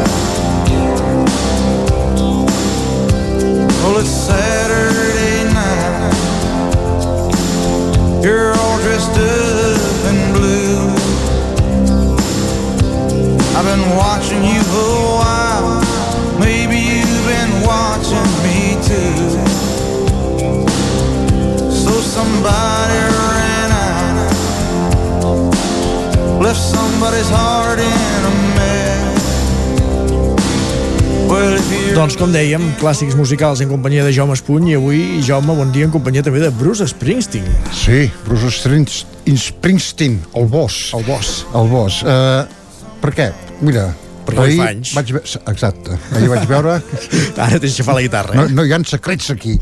Uh, tot se sap. Uh, va fer 72 anys, uh, Bruce Springsteen, ahir. Veus? Uh, Està ben jove, no, no, no ho sembla pas. Bueno, sí, no hi ha, però, oita, el rei del rock, eh? El rock multitudinari d'aquests d'estadi de les últimes dècades ja, ja és un avi, perquè 72 anys la gent ja és un avi.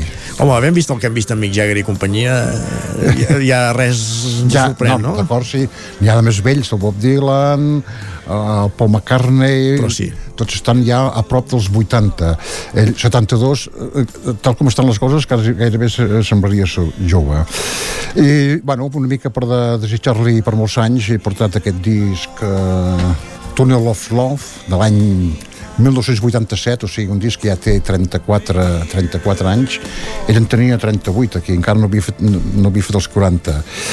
I un disc que, amb la, acompanyat per la E Street Band, com, com en la majoria dels discos, I ara estem sentint eh, Touter Tan de Brest, que és molt melòdica.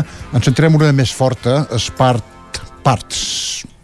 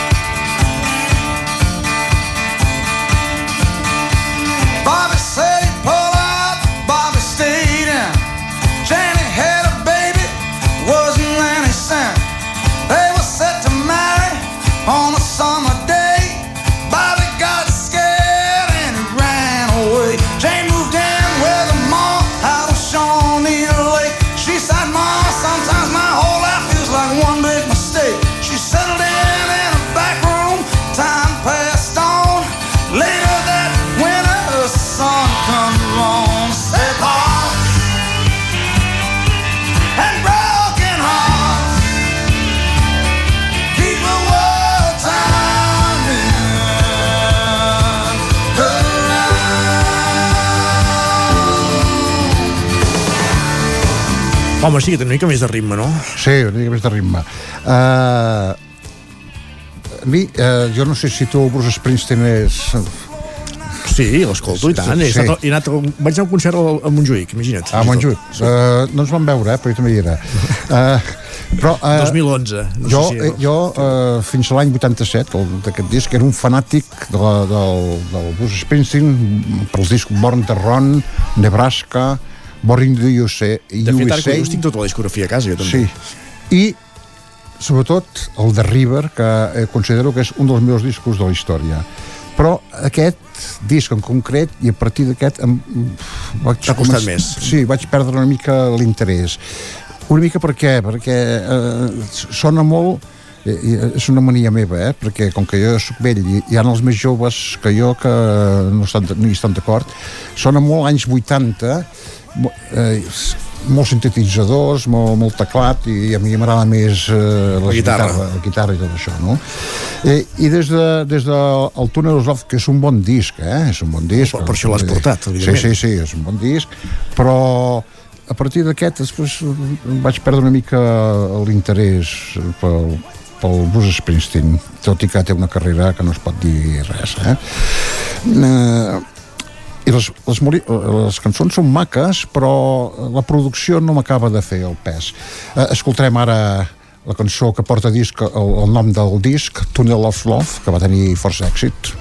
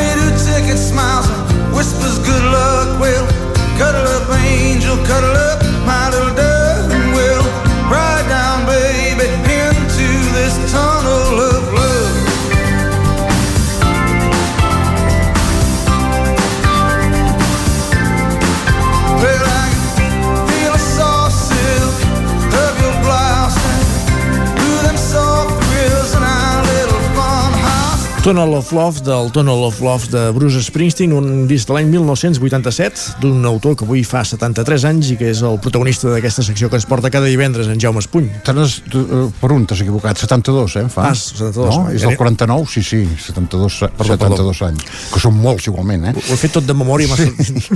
Uh, un, la, el disc va tenir la corresponent gira Uh, l'any 88 que ens deia Tunnel of Love i que va arribar uh, aquí a Catalunya el, el 3 d'agost de 1988 feia calor. al Camp Nou. Sí, 3 de, sí, exactament, feia molta calor.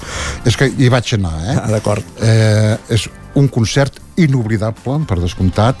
Eh, prop de 100.000 persones al camp, dir, tot Això, ple. això ara ni el Barça. eh? Ni, ni el, per, per descomptat, ni el Barça, tot, tot el camp ple i, i, i eh, les graderies, excepte la part de darrere, esclar, que hi havia l'escenari, i el, el camp. I, bueno, eh, 4 hores de concert, eh? Vull dir, va durar 4 hores. Això sí que no passa ara, ja. Sí, exactament. Eh, Fins i tot vaig pensar que era massa, massa, massa perquè vaig, va, vaig sortir cansat, eh? M'agrada explicar una anècdota que no sé què, què passaria ara. Eh, jo estava a baix, força, força molt a prop de, de l'escenari, eh, a baix, però com sardines en una llauna, eh? Això no en tinc cap molt estret. Sí, sí. I un noi que havia per allà es, es veu que es va cansar de- d'estar de, tan estret, va baixar la cremallera i donant voltes a si mateix va començar No a fer un pipí.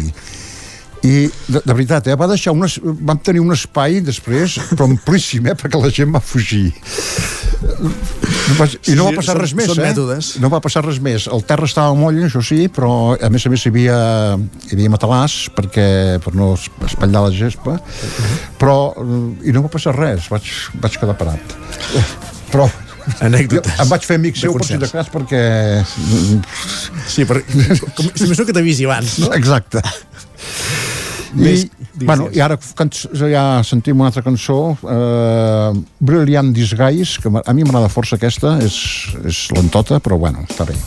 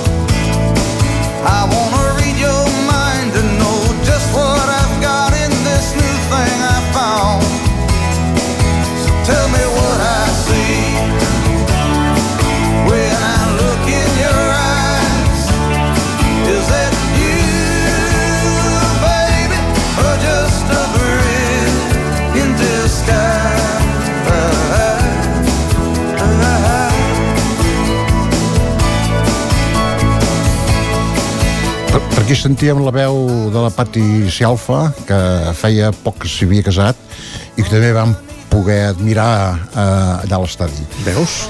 Uh, a veure, el Bruce Springsteen, és que ha semblat que, tu, el Bruce Springsteen, no serà per tant. No, no, és per molt, eh? A part de tot això, doncs, eh, em cau bé el Springsteen perquè diríem que no sé allà als Estats Units com està considerat, diríem que és una mica d'esquerres, un senyor que eh, preocupat per la classe obrera, per, etc. no? El, l'ecologia, els, els presidents que, aquests, que, que, que hi ha hagut últimament doncs, no li han agradat gens, etc. No? Uh -huh. És un tio... M'agradaria ser amic seu. Veus? Sí. Sí, ja està. Un tio carismàtic. Molt bé. Ens podem acomiadar Amb aquesta cançó sí, o no, l'altra? eh, proposem aquesta que a més a més eh, Valentine's Day que així és- molt tranquil·leta així és, Marxarem va, va bé pel matí sí. Molt bé. Doncs Jaume, amb aquesta cançó de Bruce Springsteen que acabem aquesta secció d'avui, tornem divendres vinent. Mana? I, I tornem divendres vinent. Ah, exactament, per descomptat. Que vagi bé. Molt bé, adéu. adéu.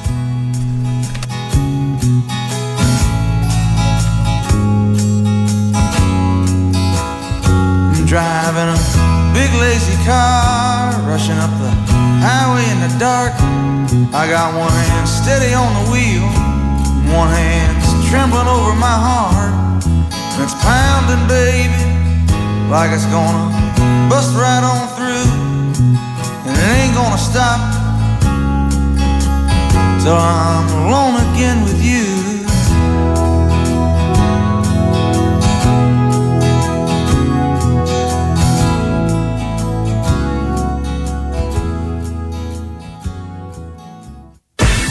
El nou FM, la ràdio de casa, al 92.8. Arriba la Welders Battle, el primer concurs de soldadura que impulsa Cefosol, el Centre de Formació de Soldadura. Anima't a participar-hi a títol personal o representant la teva empresa o institució. Premis pels guanyadors, obsequis per als participants i moltes sorpreses més. Us esperem el 30 de setembre a Cefosol i col·laboren empreses locals, nacionals i internacionals i l'Ajuntament de Gurb. Apunta't enviant un correu a info arroba. També pots venir de públic. Més informació al nostre canal de YouTube. Cefosol, carrer Sant Roc número 21 de Gurb. El racó de León. Gaudeix de la nostra terrassa. Vine a tastar les xuletilles de lechal a la brasa amb una bona amanida o el xuletón de vedella gallega. No et pots perdre el nostre lechado de Castilla al forn o el cochinillo a l'estil de Segovia. Tot acompanyat del millor celler, al menjador o fora la terrassa. Descobreix la millor cuina de Lleó sense moure't de casa. Vine amb la família, els amics, la parella o sol. T'encantarà. El racó de León, cuina tradicional lleonesa i de mercat. Som al carrer Torelló número 35 de Vic. Per reserves, telèfon 93 889 1950. El racó de León, una cuina diferent. Som especialistes en cargols a la llauna. Vine a tastar-los al racó de León. Els idiomes són la teva assignatura pendent? Matricula't anglès o francès a l'EOI Osona, l'Escola Pública d'Idiomes a Vic. Per més informació, consulta la web eoiosona.cat i trobaràs l'oferta de cursos i horaris, així com les bonificacions i exempcions de matrícula. També ens pots trucar al 93 889 38 30 a partir de l'1 de setembre. Atenció! Al 99 i Vicreu et regalen una barbacoa de gas Weber Traveler. Només has d'entrar al perfil d'Instagram del 99, buscar el post de la barbacoa i seguir les instruccions. La Weber Traveler és una barbacoa de gas totalment transportable i valorada en gairebé 500 euros. Entra i participa al sorteig. Tens temps fins diumenge. Cobertes serveis funeraris. Els nostres tanatoris estan ubicats en els nuclis urbans més poblats de la comarca d'Osona per oferir un millor servei. Tanatori de Vic, Tanatori de Manlleu, Tanatori de Centelles i Tanatori de Roda de Ter. Sabem que són moments difícils i per això el nostre compromís és atendre-us en tot moment amb un tracte humà, sensible i respectuós. Cobertes serveis funeraris. Telèfon 24 hores 93 883 23 46.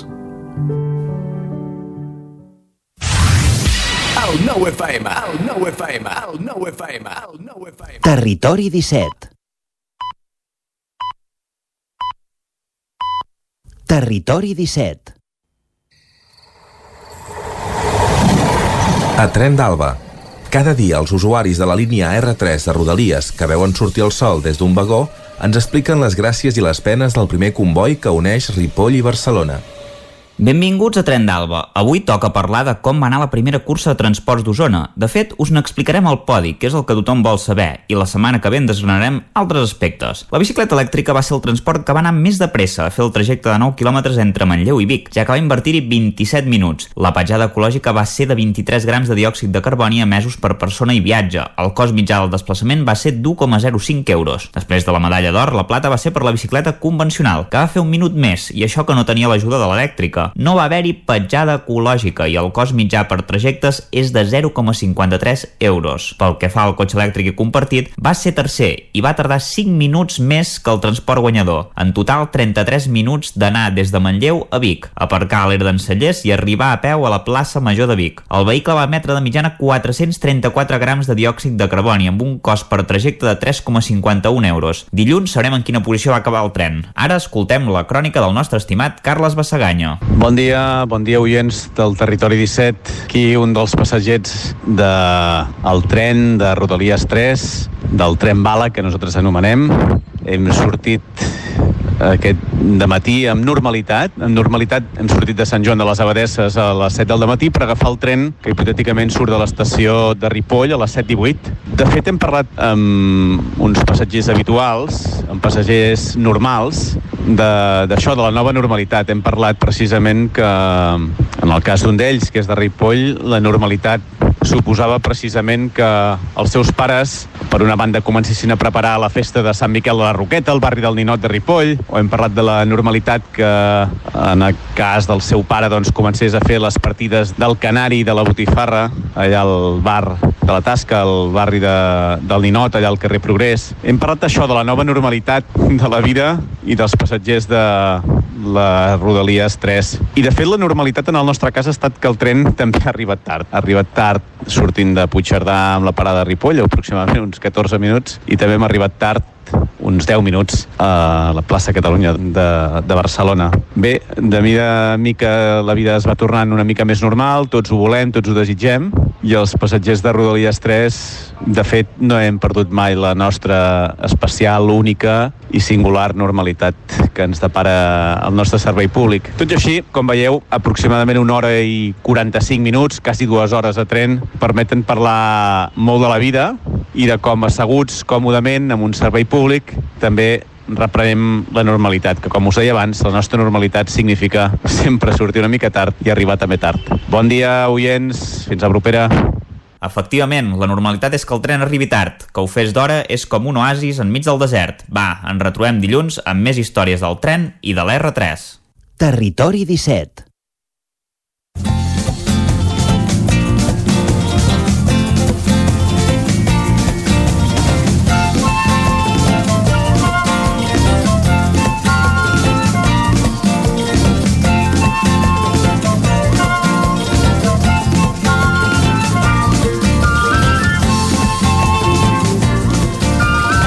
Passen gairebé 4 minuts a dos quarts de 12 del migdia, després de la càpsula que ens acosta cada, setmana, cada dia l'Isaac Muntades sobre el dia a dia de la nostra línia de tren, la R3, és moment de la Foc Lent. Com cada divendres a aquesta hora, una recepta culinària amb, per anar ben productes de temporada. Avui ho fem en companyia de l'Eduard Alibec, Aliberc, el xef i propietari del restaurant Cal Jutge d'Uris. Bon dia, Eduard. Hola, bon dia. Com estem? Bé, tot bé. Dèiem, producte de temporada, ara és temporada de bolets, un dels productes estrella a la cuina de, de cada any, per entendre'ns. Uh, què tens pensat de fer amb bolets, per exemple, avui? A veure, uh, ara sí, ha començat la temporada de bolets, fa 15 dies que comencen a baixar molts bolets de dalt el que és alta muntanya, llavors sobretot cep, rovellons, uh, i fins i tot per aquí prop ja es comença a trobar algun ou de reig. Uh, un plat fàcil i, i, i que dona molt bon resultat, que tots podem fer a casa, és un bon saltejat de bolets. Saltejat de bolets és, bueno, és, és uh, molt fàcil de fer, primer de tot és netejar els bolets, uh, trossejar-los, més o menys a parts iguals, que tots quedin de la mateixa forma, i amb una paella amb un raig d'oli, amb un raig d'oli ben bo, saltejar-los ben saltejats, i llavors al mig, uh, per fer-ho més atractiu i nosaltres que som una comarca de, de tot sucar i pa, sí. doncs al mig hi faig un, un forat un cop saltejat, saltejat a, a foc lent, vale? que quedin ben, ben cuits. Només oli? Només oli? O... Oli, sal i pebre, sí. això sí, però ben saltejadets, i llavors un cop ja comencen a estar al punt òptim per treure'ls de la paella, faig un forat al mig de la paella, sobretot fer una paella que no s'enganxi, uh -huh. i fico dos ous, com si fessin un ou ferrat i llavors mm, res tapat amb una paella per sobre, amb una tapa, sí. que aquests ous es coguin, sobretot a foc lent, que es vagi coent, coent, coent, i quan estan cuits, llavors ficar-ho en un plat a part, podem fer un tall de botifarra negra, un tall de cansalada, que estem en una comarca on, on el porc és, és el producte estrella, doncs ficar-hi un trosset de cansalada, un trosset de botifarra, vull dir, queda perfectament bé. La... Llavors, per sobre, pels, pels que els hi agrada, hi ha gent que no li agrada, però per sobre també hi podem posar una mica picada d'all i julivert o, o qualsevol cosa. La cocció, deies, a, foc lent, eh, fins que estigui cuit, més o menys quanta estona estem parlant? Uh, el tema dels bolets, uh, no a foc fort, perquè llavors se'ns poden arribar a rostir massa i ens poden quedar massa secs. Uh, amb 4, 3, 4 minutets, a foc mig, foc sí. lent mig el tens fet, i després el tema de l'ou, sí que foc fluix, una mica foc fluix, perquè si ho féssim a foc fort eh, també donaríem una sobrecocció als bolets que tampoc ens interessa. Llavors, un ou amb un parell de minuts el tenim fet, i a més si el tapem, com que fa vapor, es va coent amb el vapor ma mateix, fins i tot ens queda, saps que de vegades el rovell ens queda com aquella capa blanca per sobre, que és la mica de clara que queda sobre el rovell, pues, sí. ens dirà que quan surt aquella capa una mica blanca per sobre el rovell és que estan cuits i ho podem, i ho podem emplatar, Això- ho podem treure. Això és un plat excel·lent pel que li agrada el bolet i que a més Sí. és fàcil de fer, eh? És fàcil, és ben fàcil, sí, sí, sí, sí, per això tenia pensat uh, explicar aquest plat, ja que és una temporada que s'acosta i aquí aquesta comarca en vivim molt del bolet. I, i és un producte bo i fàcil, uh, per tant... Què, te, què teniu al cal jutge? El que comentaves ara, cep, rovellons, ous de reig o un altre? Uh, solem tocar tot el bolet que ens arriba, ja sigui perquè de vegades també hi vaig jo a buscar-ne, però, però tinc dos, tres boletaires que els tinc molt fixes aquí al restaurant de confiança, que em porten uh, ou de reig, cep, rovelló, època de llanegues, llanegues, uh, ho toco tot, bastant tot. Llavors, ara he explicat un dels plats que tinc, però també tenim carpaccio d'ous de reig, eh, tenim una cua de bou guisada eh, que també és els... Eh, bueno, acabo amb un saltejat d'ous de, de reig o de ceps, depèn del que tinc. Llavors tenim els rovellons amb all i julivert, com sempre. Eh, bueno, eh, vull dir, tenim bastants plats amb bolets quan és època. És un restaurant que ens caracteritzem per això, bàsicament pel producte de temporada. Molt bé. Comentaves abans fora d'antena que si hi havia temps podies explicar un segon plat també ràpid. Sí. Eh, tenim temps, vull dir que endavant. Sí, tant. Perfecte. Uh, jo, per exemple, t'havia dit, bueno, un carpaccio, un carpaccio a bolet, potser la gent no estem acostumats a fer un carpaccio, als restaurants potser ho veiem més. Uh -huh. uh, llavors, un bon bolet ara per fer un carpaccio és uh, els ous de reig, uh, sobretot els ous de reig no es poden confondre, perquè després hi ha hi ha l'ou de reig bord, que és el, el tòxic, però l'ou de reig, si el comprem amb confiança, és un bolet que, que és excel·lent. Llavors, l'ou de reig ben laminat, amb, un, amb una mandolina, amb un pelador, amb, amb algun estri que puguem fer una cosa ben fina, i res, una mica de sal, pebre, llimona i oli per sobre, i per sobre després si tenim, per exemple, si sabem fer el foie, el micuit, el, el que untem les torradetes, pues, posar uns trossos de foie per sobre, o fins i tot a època de tòfona, tirar-li una mica de tòfona, també podríem fer un oli de pinyons i torrar uns quants pinyons, triturar aquell oli amb, amb els pinyons torrats i tirar una mica d'oli de pinyons. Vull dir, és un plat eh, realment fàcil i tothom es pensa, hòstia, un bolet cru, i un bolet cru és excel·lent. Vull dir, l'ou de reig i el cep són, són dos bolets que permeten moltes possibilitats i, i en aquest cas també es permet menjar cru. Es menja cru, però clar, amanit o ben- amanit, doncs... mm, Ben amanit, sí, ja no, sí. no es nota tant, diguéssim. No, la, No, la, i llavors, vulguis o no, també aquell raig de llimona que s'hi posa i acaba, els acaba, vull dir, els cou com una mica, aquell àcid que té la, la llimona, els cou com una mica, però no és un cuit de paella, vull dir, acaba sent un bolet que quan te'l menges notes que és tendre, que és, que és, que és, que és completament cru, vale? però és un, és un plat excel·lent. Jo, per mi, temporada de bolets eh, és dels millors plats que, que em pugui menjar realment un bon carpaccio. Temporada de bolets i Eurís a partir de la setmana que ve també serà temporada de patata al bufet. Suposo Sí. que també hi haurà algun plat a, a la carta aviat, eh? Sí, sempre eh, quan és el mercat de la patata del bufet durant tot el mes d'octubre, els diumenges, eh, solem fer algun plat amb, amb patata del bufet, sí, i, i en aquest cas potser serà un plat fins i tot amb patata del bufet i amb, i amb bolets, vull dir, està per veure, però treballo bastant el dia a dia segons el que tinc i, i, i les idees que em venen al cap, vull dir que tant pot ser que siguin bolets com, com una altra cosa. Veurem. Molt bé, Eduard. Uh, moltíssimes gràcies per acompanyar-nos. Eduard de Cal Jutge també ets un dels membres del col·lectiu Osona Cuina, avui per, per parlar-nos de la cuina de, del bolet amb aquestes dues propostes senzilles, diguéssim, però però de- d'encertar-la de ple, diguéssim, per entendre's Sí, pel, pels boletaires. Gràcies i bon cap de setmana també. Moltes gràcies. I bon servei. Adéu. Adéu, bon dia.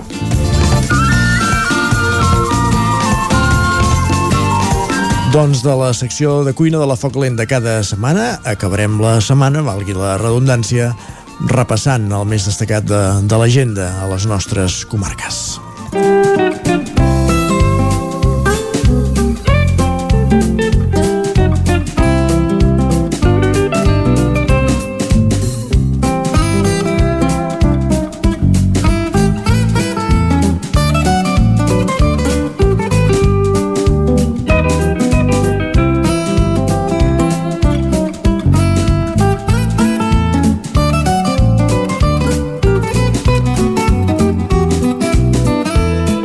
Aquest rebàs a l'agenda el fem, com sempre, en connexió amb els quatre estudis de les emissores que dia a dia fem al Territori 17. Comencem el repàs a Cardedeu. Òscar Muñoz, bon dia de nou. Què trobem a Bon l'entorn dia. de Cardedeu i aquesta zona del Vallès Oriental aquest cap de setmana?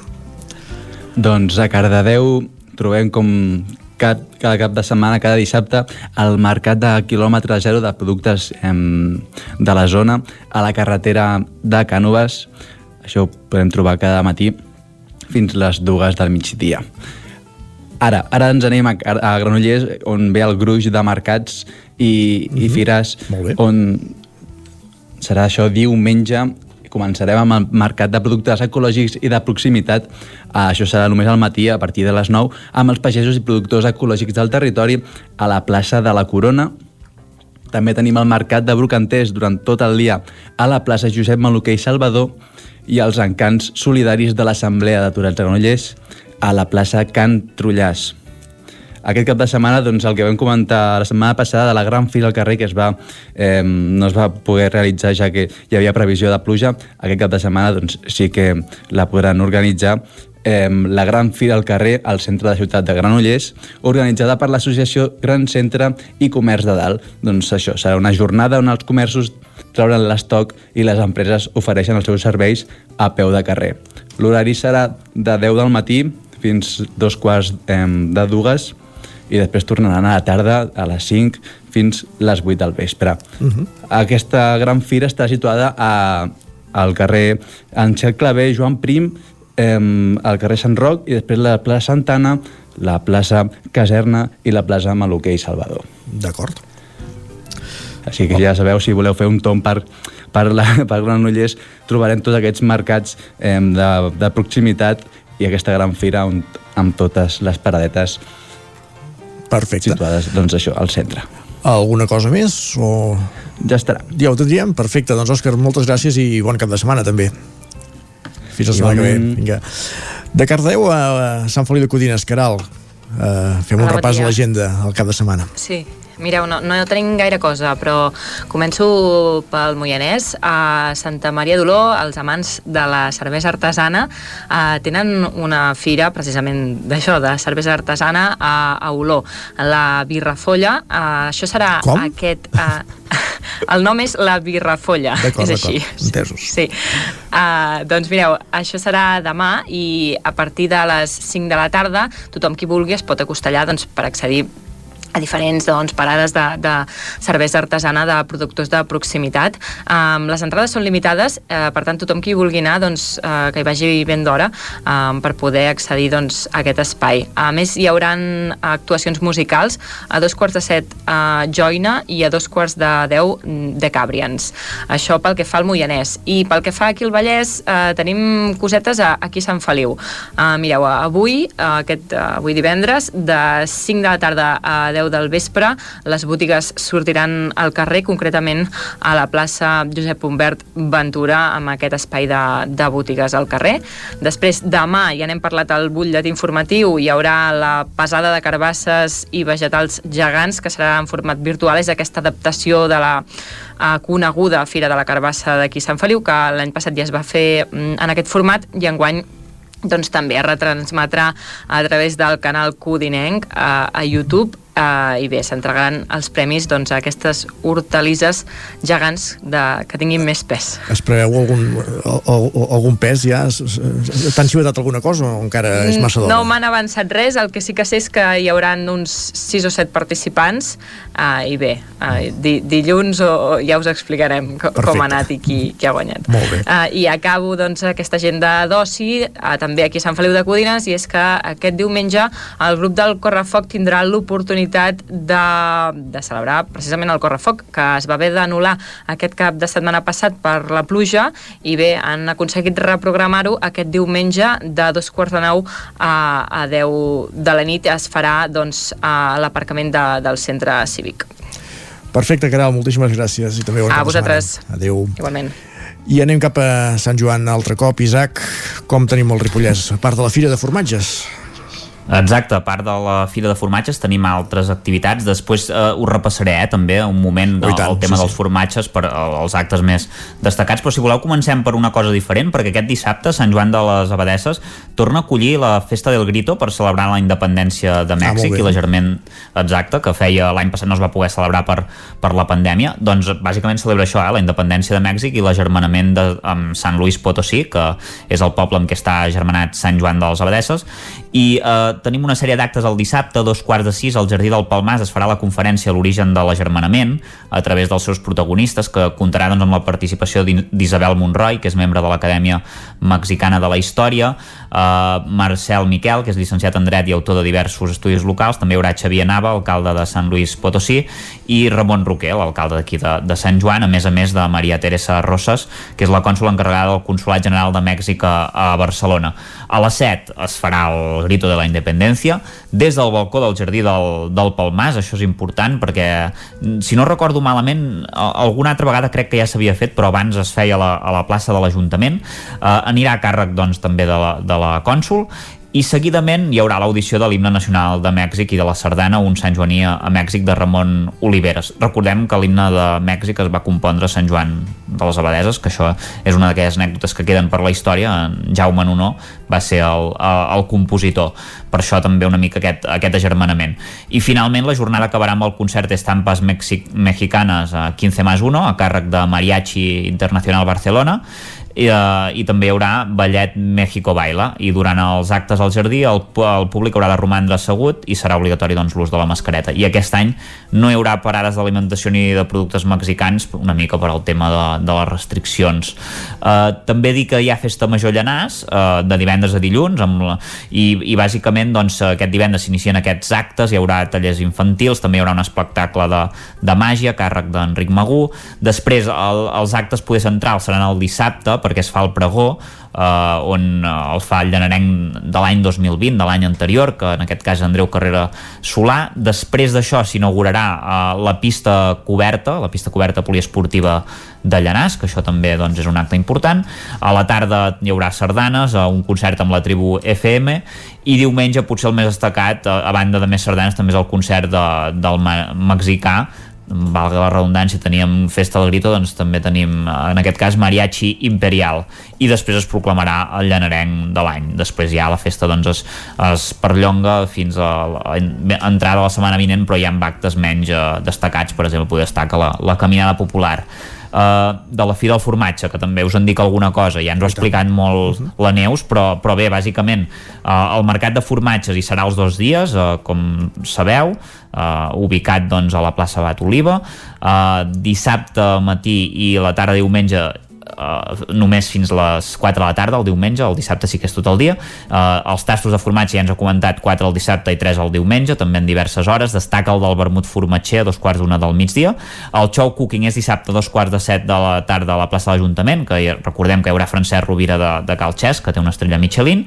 I diumenge a la mateixa plaça us destacaré l'espectacle infantil a càrrec de Soloqui de Catràs Caixia la resta ja ens ho ha explicat molt la Neus amb, amb molt de detall, per tant ja, ja hi podreu anar-hi si voleu i res, un parell de coses molt breus aquest cap de setmana hi ha una nova ocasió per comprar o vendre al Mercat del Trasto de Sant Joan de les Abadeses, iniciativa gratuïta eh, pels veïns i les veïnes amb, amb un munt de parades, eh, de 6 del matí a les 2 a la Coromina del Bac i també tenim Mercat Rural a Planoles aquest dissabte durant tot el dia a la plaça 1 d'octubre. Molt bé. Doncs aquesta cita bo- dels formatges n'hem parlat abans, ara també, per qui vulgui conèixer els formatges del Ripollès i d'altres de, de, denominacions d'origen d'arreu de, de, de l'Estat i d'altres punts Exacte. aquest cap de setmana a, a Ripoll. Moltes gràcies, Isaac, bon cap de setmana i vigila amb el Igualment. formatge, vigila amb el formatge, eh, que fa pujar el colesterol. Vigilaré, vigilaré. Molt bé, vinga. Adéu-siau. I de Sant Joan de les Abadeses tornem a Vic amb en Miquel R. Bon dia. Molt bon dia. Es, a saber també què ens depara el cap de setmana des del punt de vista de, de l'oci, de les fires, de, de les festes. De la Correcte. setmana de festes majors d'estiu, de eh? festes majors. Tenim un esclat, si a Ripoll ens comentava l'Isaac que tenien la de Llanars, a Osona tenim mitja dotzena, mitja dotzena, que de fet la majoria ja caminen, ja, ja, ja, ja es mouen.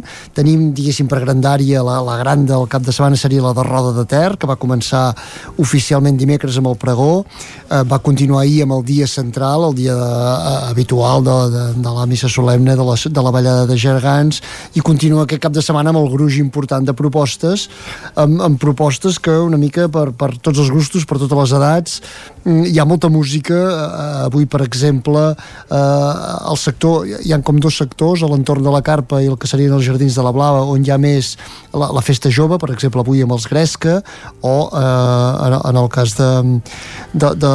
El de Gresca el mencionava com han canviat per relat, eh? Però, però vaja. De, de, sí? Doncs... Sembla que és relat al final d'aquesta tarda. Perfecte. Hi ha més música, hi ha també música, hi ha els bandidos, aquest vespre també tenim Palat i Pelut, tot això a roda. Hi ha l'espectacle que ja comença a ser habitual també de la colla local que fan a l'entorn del Pont Nou aquest divendres al vespre dissabte continuen amb, amb la, un, altre, amb un altre clàssic, l'estrena de, de l'obra de teatre del grup local Arrels, a la Bravi tindrem l'orquestra Rosaleda, uh, per nit de Tecno, recuperem també el Terrorifics Band, aquesta banda que es munta una mica entre rodencs, així d'una manera una mica improvisada, per tant anem traient molt d'aquests trets, diguéssim, alguns de les propostes que es van deixar de fer l'any passat, o algunes es van fer en petit format, veiem que mica en mica es va tornant amb aquesta, amb aquesta certa normalitat Passa el mateix, per exemple, en el cas de, de Sant Pere de Torelló. Sant Pere de Torelló també començava ahir la festa, però tindrà, eh, en aquest cas s'allarga fins dimarts que ve propostes n'hi han per tots els gustos. Eh, per exemple com a proposta singular eh, els llevants de taula que també s'està convertint en un clàssic a Sant Pere de Torelló això és diumenge al migdia i eh, amenitzat aquest any amb la tuna de la Universitat de Medicina de Barcelona. També és curiós, no? Això de, de les tunes encara que, que es veu que funcionen. A Sant Pere sempre els he tirat això, sí sempre la...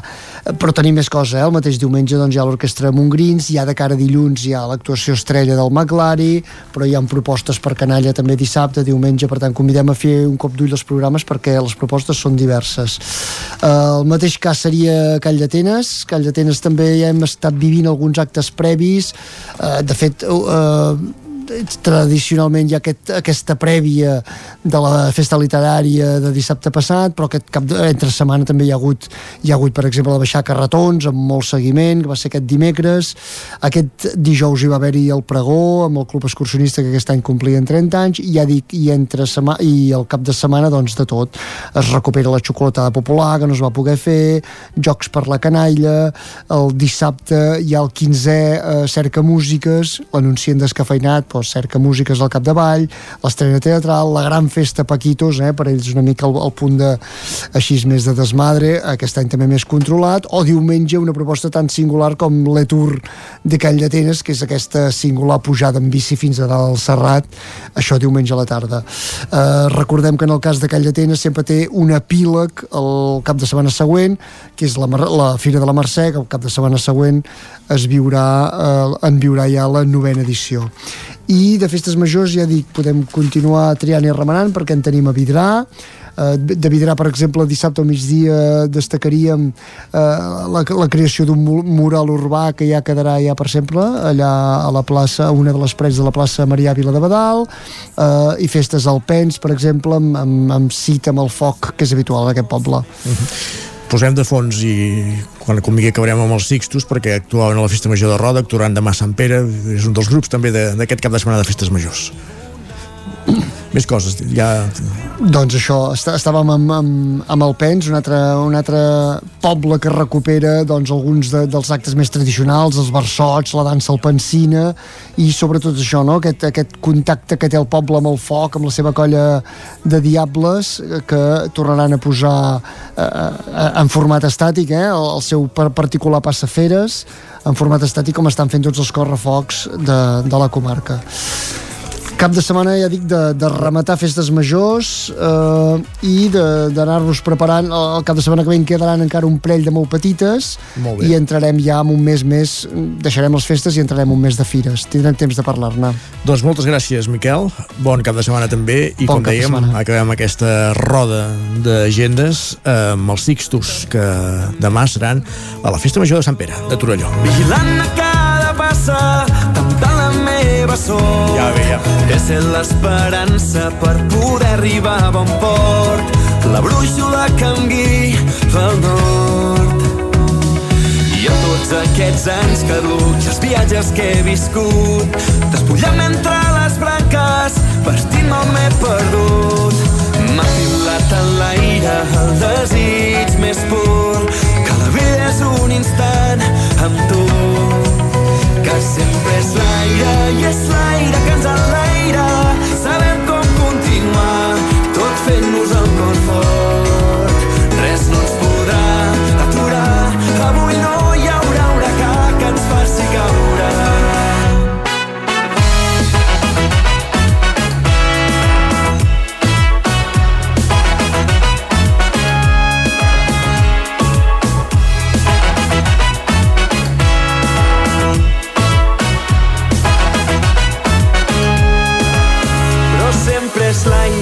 És l'aire que ens enlaira.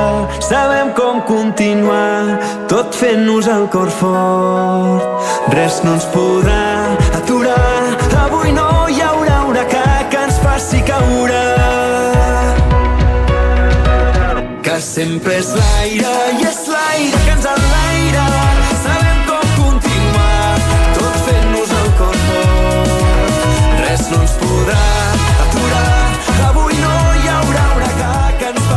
Sempre és l'aire, la cançó dels Sixtus amb la que acaba el territori 17 d'aquest divendres i el d'aquesta setmana. Sixtus, una banda que, com dèiem, actua aquest dissabte a Sant Pere de Torelló en el marc de la seva festa major. I ara sí, dos minuts, perquè siguin les 12, arribem a la fi del territori 17. Des de les 9 us hem acompanyat Caral Campàs, Núria Lázaro, Òscar Muñoz, Isaac Muntades, Clàudia Dinarès, Guillem Sánchez, Esther Rovira, Jaume Espull, Miquel R, Jordi Sunyer i Isaac Moreno. I tornarem dilluns, com sempre, a la mateixa hora. Serà a partir de les 9 del matí. Fins aleshores, que passin molt bon divendres i un millor cap de setmana. Adéu-siau.